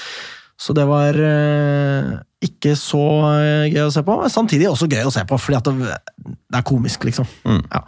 Eh, imponerende prestasjoner av Schneider å se til også der, eller allerede der. Eh, så der tror jeg vi har to vi kan eh, se frem til å se mer av. Eh, er nok mye på grunn av annet Schneider at eh, Kasper Kvello tar hatten sin og reiser fra Lyn. Litt synd, fordi han spilte med drakta ned i shortsen mot Follo, og det var jævlig fett å se på! Altså, det, var- Han var så så rå ut, liksom. Så sånn skikkelig sånn der old school uh, lynspiller ut. Jeg bare elska det. Men eh, Så et tips da, til andre nåværende Lyn-spillere. tuck that shirt. Just tuck it. Uh, Lyn spiller også mot Stovner, vinner 5-1. Uh, der var jeg ikke til stede, fordi jeg vet ikke, skifta bleier, tror jeg. Uh, Du trenger ingen forklaring på det heller. Nei. Uh, Reinaldo skårer to. Bjørn Bjørntvedt Olsen skårer igjen. Eh, Elvevold for en skåring der, og da Peder Nomel. Her er skrevet for navnet, vet du. Eh, og senere i kveld skal da Lyn spille mot Brumunddal klokka sju på Kringsjå. Dette vet våre lyttere hvordan det har gått. Vi vet ikke. Jeg har så lyst til å dra. Er litt usikker på om jeg kommer til å gidde når det kommer til stykket, fordi klokka går, og så videre. Det gjør den. Det skal den ha. Barn skal legges, Barn skal legges. eh, og så videre. Så vi får se. Men uansett spennende, og altså eh, På søndag er det jo eh, sesongstart. Men eh, før det så tror jeg vi skal snakke litt om eh, den kommende sesongen. Om ikke du har noe sånn eh, junior andrelagsgreie, Magnus? Det er jo din Eh, ja, nei, det er også Kommende sesong. Det er jo ikke noe sesong der heller ennå. Eh, Jeg kan bare si kjapt at Lyn 2 sesongåpner mot Kjelsås 2 eh, på mandag. Eh, har både Bærum 2, Asker 2, uh, er det Stabæk 3 i avdelingen, i tillegg til da Kjelsås 2. Uh, møter også Heming og Rilinja. Heftig! Eh, og det er jo litt hyggelig, da. det Det var en ordentlig morsom eh, kamp, den bortekampen mot Rilinja. Veldig gøy. Det var veldig veldig morsomt. altså. Da var The kanskje i Bergen, Nikolai, eh, men den var, eh, den var usedvanlig kul. The original Gunnar fikk seg en uh, kilevink òg. Det gjorde han, absolutt. Så jeg tror ikke han har så gode minner fra den, men det var alt i alt av de fetere, fetere kampene. Ja. uh, så da tror jeg vi tar en liten pause. Uh, nei, også, nei, for jeg skal også nei. si juniorlaget. Ja, beklager, eh, beklager. At eh, de er ett av åtte lag i interkrets B, avdeling A. Eh, Sesongen åpner mot Kisa torsdag 19. august. Og Lyn og Oppsal er de eneste Oslo-lagene i avdelingen. Follo og Skjetten er jo like utenfor, men det er også så langt som til Lillestrøm. Og, nei, Lillestrøm, det er ikke så langt. Lillehammer er litt lengre, og Moss. Så um, vi får se. Jeg vet ikke hvor bred troppen vår er, jeg vet ikke hvor mange 19-åringer vi har i den heller. Men um, vi eh, følger Lyn 2 og G19 veldig tett utover sesongen her. Det er så godt å høre. Eh, Og da tror jeg vi tar en liten pause. Skal vi snakke om den eh, kommende sesongen for herrelaget deretter. Hallo, jeg heter Chinedu Obasi, og du hører på Vestkanttribunalet. Yes, eh, Lyn skal spille seriefotball. Det eh, føles Det altså vilt å kunne si det. Det er bare én sesong vi har mista, men på den annen side vi har jo aldri mista en sesong før. Så det er jo nytt eh, sånn sett. Eh, Det er en Det blir bare én kamp mot hvert lag. Det blir en halv sesong sånn sett. Det gjør det. Eh, Jeg har jo aldri vært eh, på Brann stadion, eksempel. Tenkte eh, kanskje jeg skal dra til Bergen og få den på lista. Skal ikke spille borte mot eh, Brann 2. De kommer bare til Oslo, de. Nei, nettopp, ja. Så man må velge seg en annen bortetur til Bergen. Jeg tenker da på Bjarg. Dit det er 2. oktober? eller Det ligger, ligger godt i munnen, det uttrykket jeg tenker da på bjarg. Det Ja. smaker litt vondt, syns jeg. Bjarg. Ja, men det er, fordi det er ofte mitt utgangspunkt for å velge bortetur. Det må være litt obskurt. Ja. Hvis klubben din heter Bjarg, da er det god sannsynlighet for at jeg drar og ser Lyn spille. Altså. Men ja, den er 2. 2. oktober. Ja. Øh, helga før høstferien. Eh, Ja. Ligger veldig godt til, så jeg tror nok at jeg skal ta turen dit. Kan du bare ta hele høstferien uh, i bergensområdet, fordi det er Stord lørdagen uh, helgen etter. Da tror jeg kanskje at min kone blir syk i hodet av alt det ekstra. Ja. Du får be- bestikke henne med noen lynaksjer. Det tror jeg ikke hun vil ha. Så ja, kanskje hun kan få noen allikevel. Jeg vet ikke. Vi er jo gift, så kanskje hun eier dem Det kan være. Jeg vet ikke hvordan dette- funker. Det er Nei. ikke noe særeie på Lyn-aksjer, liksom. ikke sant? Men dette tok du jo ikke med deg inn i ekteskapet. Vet Dette kan vi ta off air. Vi kan gjøre det. Eh, så eh, Men ja, Bjarg er jo et av de lagene som tippes eh, i bånn. Bjørg Bjarg er et av lagene som tippes i bånn, absolutt. Så sånn sett en god bortetur å ta. Eh, Si ikke det. Ja, ikke sant. Eh, vi, vi satser på det, at Lyn slår Bjarg borte. Men eh, ja, man vet jo aldri. Eh, kan jo da nevne at Lyn også skal spille mot Fana, Fjøra, Fuck Off Frigg, Fyllingsdalen, Lyseklosser, Os, og så Reddy igjen. Sandviken, som jo er noe hvassere på damesiden enn herresiden, må vi vel kunne anta. Eh, Sogndal 2. Eh, gode, gamle Stord. Det, det er en bortetur man ikke glemmer. Der har vi gode første. minner. Ja, det var minner. fantastisk gøy. Uh, så jeg drar nok ikke dit igjen, Nei. Uh, fordi den har jeg på lista, og det får være grenser. Ja. Også da Årdal, som siste lag av dette var alfabetisk for øvrig. Det er fantastisk. Ja. Jeg har notert meg ned oddsen fra tre forskjellige tippeselskaper. Jeg har ikke lyst til å nevne navn, fordi Flott. Jeg gidder ikke det. Nei. Eh, Men det er da altså ja, eh, Første firma har da Lyn, Lysklosser og Fana på fire ganger pengene. Ja. Eh, og Frigg da på fem ganger pengene, og Fyllingsdalen på åtte ganger pengene. Mm. Eh, så neste selskapet har da Fana på 3,15 ganger pengene. Og Lyn på 4,75, og Lysklosser og Frigg på seks ganger pengene. Mm. Og da det siste selskapet jeg så på, har da Fana på 3,5, Lyn på 3,75, Lysekloster på 4,10 og Frigg på 6. Så det er jo eh, disse tre lagene, Lyn, eh, Lysekloster og Fana, som eh, har pekt seg ut blant bookiene, da. Ja, det er jo eh, klart topp tre, og så er Frigg ganske klart nummer fire. Og liksom oppe og snuser på, på tredjeplassen. På Eh. Snuse, på toeren. Eh, og så er Fyllingsdalen og Os også sånn brukbare, og, um, og Storden er ok noen steder, men da begynner vi å komme opp i relativt høye odds, da. Slo ut eh, Haugesund i cupen, bare sier det. Ikke sant? Eh, og i bunnen så er det vel eh, Sogndal 2, Bjarg, Fjøra og Årdal blant annet, som ventet å, å surre rundt. Eh, Fjøra og Sogndal 2 spiller jo, vi spiller jo borte mot dem eh, med en ukes mellomrom. Begge spiller på Fosshaugane campus, faktisk. Så vi skal spille på samme arenaen. Men Stord og Nei, ikke stort. eh, Sogndal 2 og Fjøra spiller ja, på Fosshaugane campus. eh, Skal møtes eh, lørdag klokken 17, to helger på rad på Fosshaugane campus. Så Hvilke datoer? det er eh, 11. og 18. september. Ja, ikke sant? For en feriemulighet. Det da. er jo, da får jeg, det- det kan ta en av turene og få den eh, banen på lista. Pluss det er jo staselig bane, bane, Det er eh, 20-årsjubileet for terrorangrepet mot World Trade Center. Eh, Da spiller vi kamp eh, borte mot Sogndal 2 på Fosshaugen og campus. Ingen har tenkt å markere det, med andre ord. Eh, Nei, jeg har ikke tenkt å markere det Nei. spesielt, tror jeg. Hadde familie i denne tårnet, jeg, men det er en, eh, en annen pod. Det er en annen podd, ja. Ter Um, Terrorpodden. Terror. Kan jo terror- og badmintonpod i vinterhalvåret. Eh, Men Double eh, ticket. vi er tilbake igjen.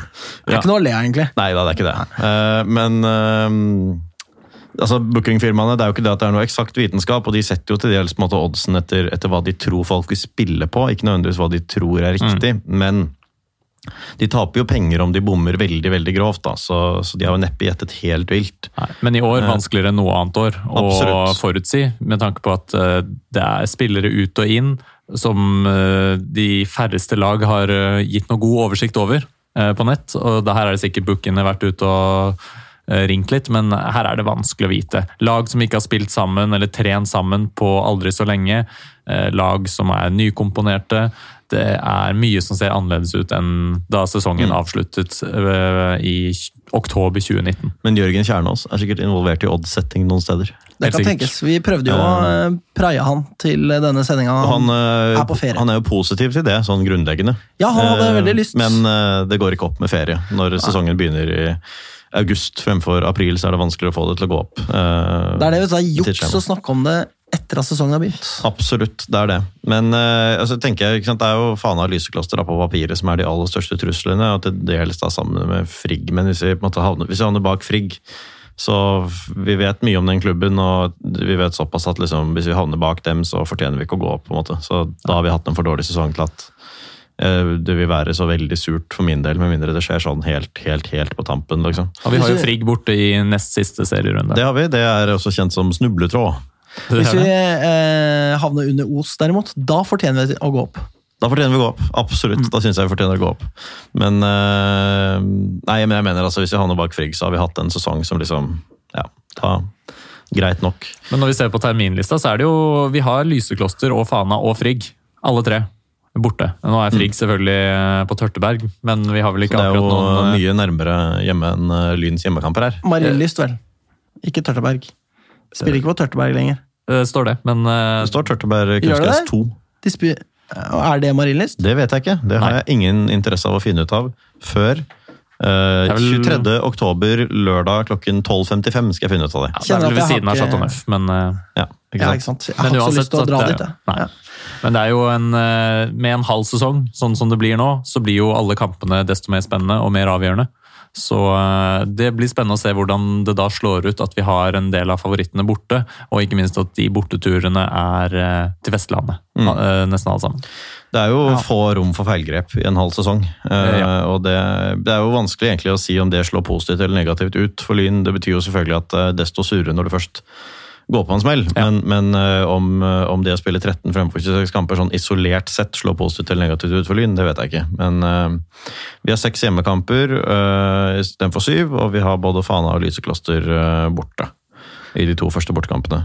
Altså Hadde damelaget spilt eh, halv sesong, da hadde det virkelig brent på dass etter de tre tapene på rad. for å si Det sånn. Ja, Det hadde vært voldsomt dramatisk. Det er det. Så, altså, men mye kan jo da være staket ut ikke sant, av denne sesongen etter allerede fire runder. Ehm, jeg, jeg tror jo, eh, og nå kommer noen til å si oi, oi, oi, eh, i hvert fall, jeg kanskje hadde gjort det hvis jeg ikke sa dette nå. Altså, Jeg tror jo at vi kan fyke ut av startblokken denne gangen her. Jeg, det, jeg har troen i år. Du er fa... Altså, du er jo tidenes pessimist. Jeg er det. liksom. jeg er det. Det er, det, hvordan i hel... Hva, hva- hvordan skal vi forholde oss til dette? Nei, jeg vet ikke. Jeg vet ikke. Eh, Jeg syns det er rart og ubehagelig selv, og kjenner ikke meg selv igjen. Men eh, det er jo en optimisme i Lyn som jeg ikke har sett på en stund. da. Eh, Og vi har bedre, bedre fasiliteter og mer oppmerksomhet, og ikke dårligere kontinuitet, tror jeg egentlig, enn andre. Vi har gode fysiske trenere. Vi har eh, vist at vi har tålt eh, den manglende treningen, og at det på en eh, I hvert fall bedre måte enn jeg hadde fryktet. Um, ja, det at vi kanskje kan ha tatt mindre skade av det oppholdet enn andre. Det er klart, men så har jo de da vært underlagt si, lokale tiltak og regler som eh, har tillatt dem å trene mer enn det vi har gjort. da. Så Og hva, og hva kontinuitet angår, så er det jo eh, mest nærliggende, tenker jeg, å sammenligne Lyn med Lyn. Eh, og vi har Mm. mye bedre Altså Nå er det Bent Inge Johnsens tredje sesong. Eh, altså, det blir jo hans andre, da, men hans tredje år i Lyn. Eh, han virker eh, Ser ut til å sitte kjempetrygt, og det er jo ingen som har lyst til å eh, liksom henge han etter den 2019-sesongen, som jo var andres feil, og den gikk skikkelig dårlig fra start. mm.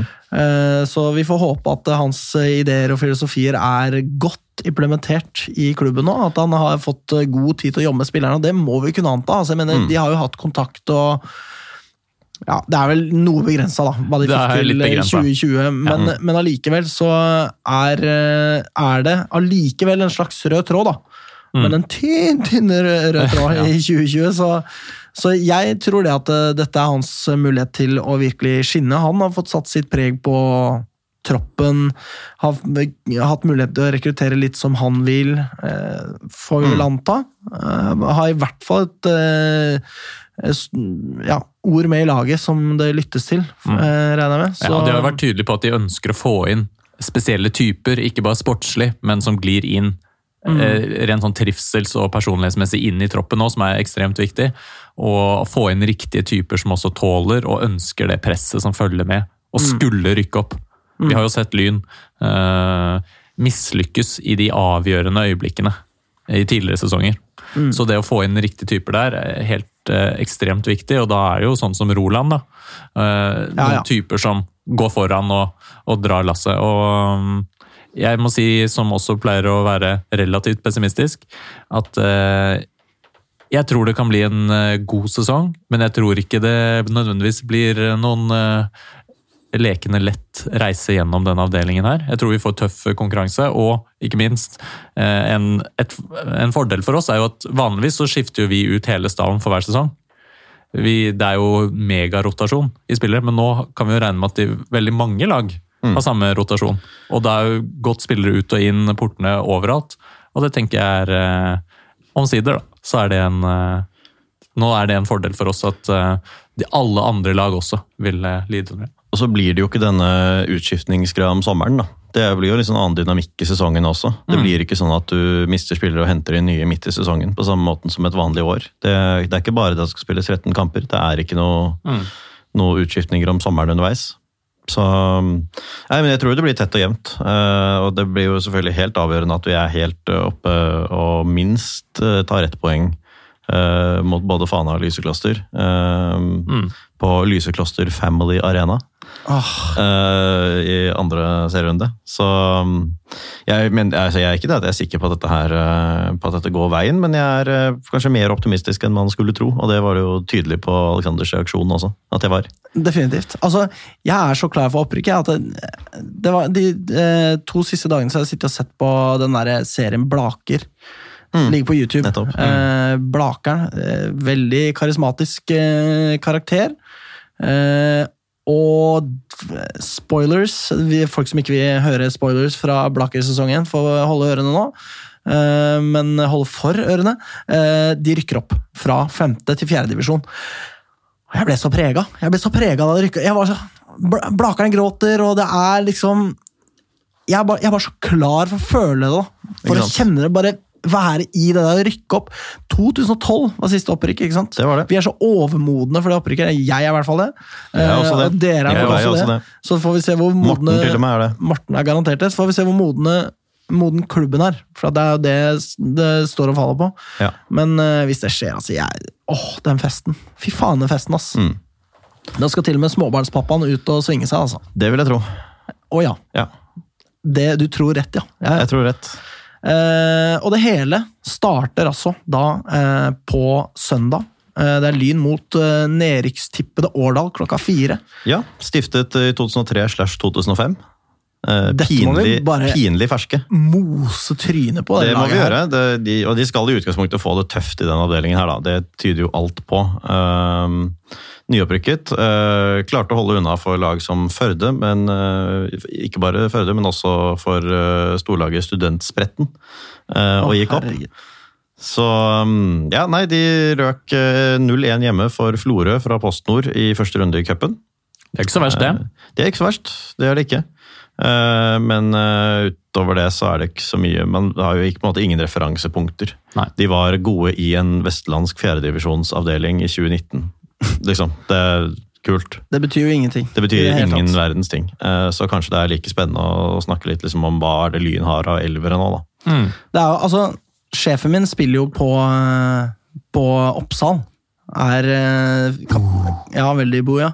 Kaptein og liksom Ja, enda mer bo på det, ja. Eh, Og de var jo Altså, før 2020-sesongen, jeg snakker jo med han om fotball litt, og han sa nå, nå er vi dårlige, altså. Nå mangler vi masse. Nå er det helt krise. Dette er, denne sesongen her går dårlig.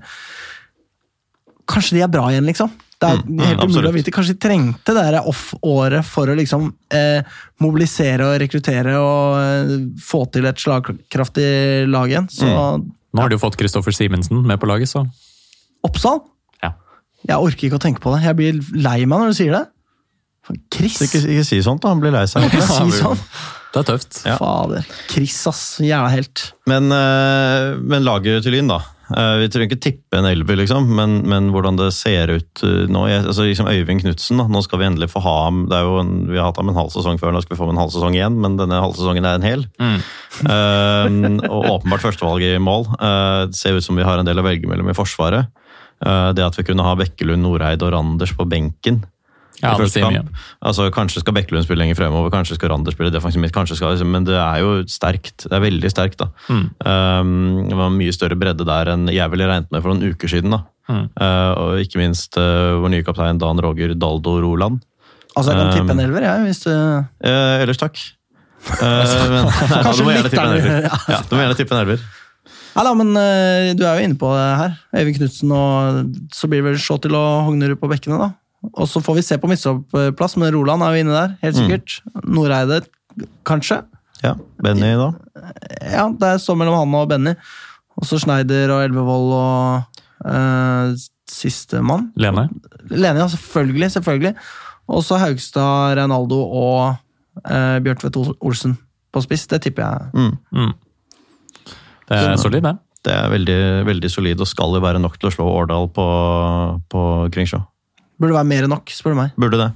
Så det blir spennende å se. En eh, tellende kamp mot et lag på eh, nå skulle jeg til å si vårt nivå, forhåpentligvis litt lavere nivå, men det er spennende å se en kamp, eh, ikke sånn som i cupen, men nå faktisk de vi skal konkurrere mot og være konkurransedyktige mot. Så det, jeg gleder meg til å dra på Kringsjå, og det ja, hør på den setningen. Det-. Gleder meg til å dra til Kringsjå. Ja.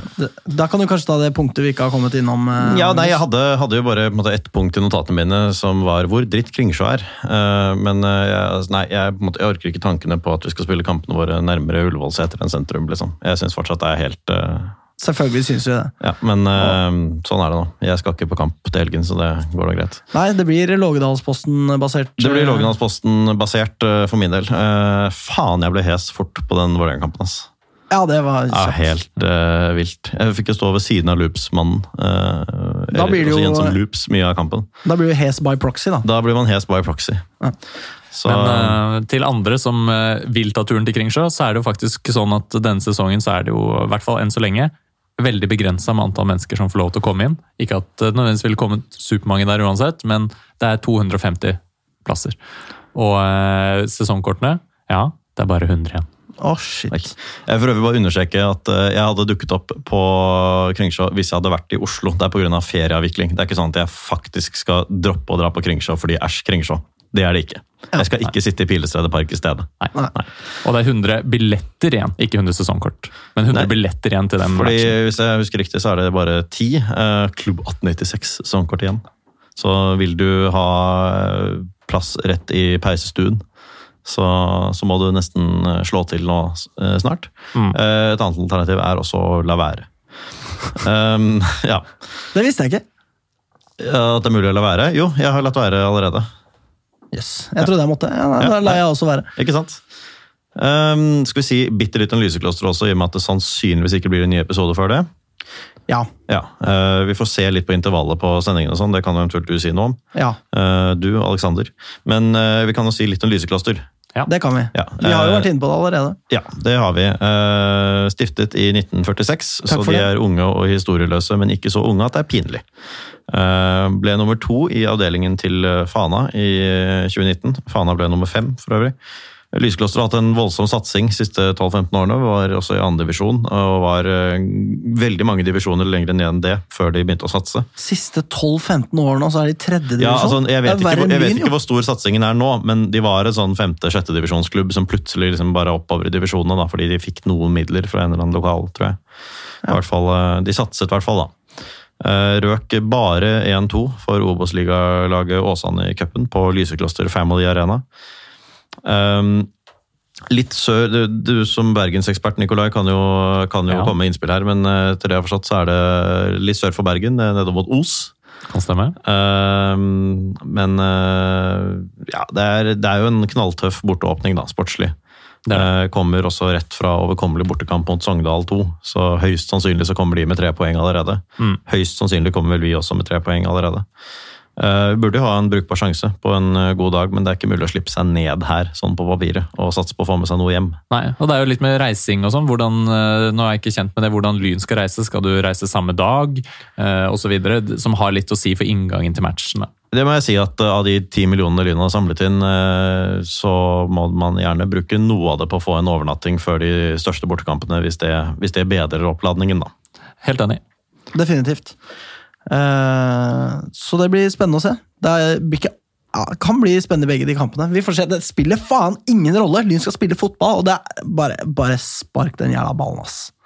Jeg, det er jeg enig i. Spark Spark, den. jævla ballen. Helst inn i målet til de andre som ikke er Lyn, men Ja. eh, så lenge den sparkes, så skal jeg si meg fornøyd med det det. ikke sparkes i eget, Ikke det. da er vi ikke fornøyd. Nei, det da er vi misfornøyd, da. Da er vi misfornøyd. Ja, ja. Og med Eh, den dyptpløyende sportslige analysen vi, så er vi ved veis ende her, om ikke det er noe som eh, Jeg skal bare, tippe, bare si, annonsere at mitt eh, tips for Lyn Årdal, Det har vi glemt. ja, det er 3-1. 3-1. Til hvem da? Ja, det er hjemmeseier. ja. Hjemmeseier. Det er hjemmeseier, ja. Magnus, vil du prøve det? Mitt uh, tips er 6-0. Få! Åh, da kjenner jeg meg glad i det de bringer her, ass. Jeg jeg går faktisk for det noe mer nøkterne. Det er sykt å si det. 4-0. Ikke fire, ikke 4-1, altså. Mitt uh, favorittresultat. Uh, nei, Nei. ikke det. Så, okay. men jeg, det tror jeg Lyn skal klare å klemme inn uh, fire kasser der, ja. Ja. Vi, er, vi, er tilba vi er tilbake om en stund. Ja, vi får se. Det er, livet endrer seg, og andre ting tar mer tid, plutselig. Ja. Så vi har lyst til å podde, vi, men hvor ofte det blir, det får vi se. Men at det blir hver uke, virker nok eh, litt usannsynlig, ja. Det For eksempel si. eh, annenhver er, eh, er jo mulig. Det snakket vi om allerede i 2020. Det gjør vi. Så vi får se hva vi kommer frem til, men det, det kan være et utgangspunkt for alle som er interessert i å følge med. Eh, og da har vi ikke så mye mer å si, egentlig, annet enn spør ikke hva Lyn kan gjøre for deg, spør heller hva du kan gjøre for Lyn. Tusen takk for oss. Kom igjen, Lyn, kom igjen, Lyn, kom igjen, Lyn, kom igjen, Lyn, kom igjen, Lyn! Moderne media.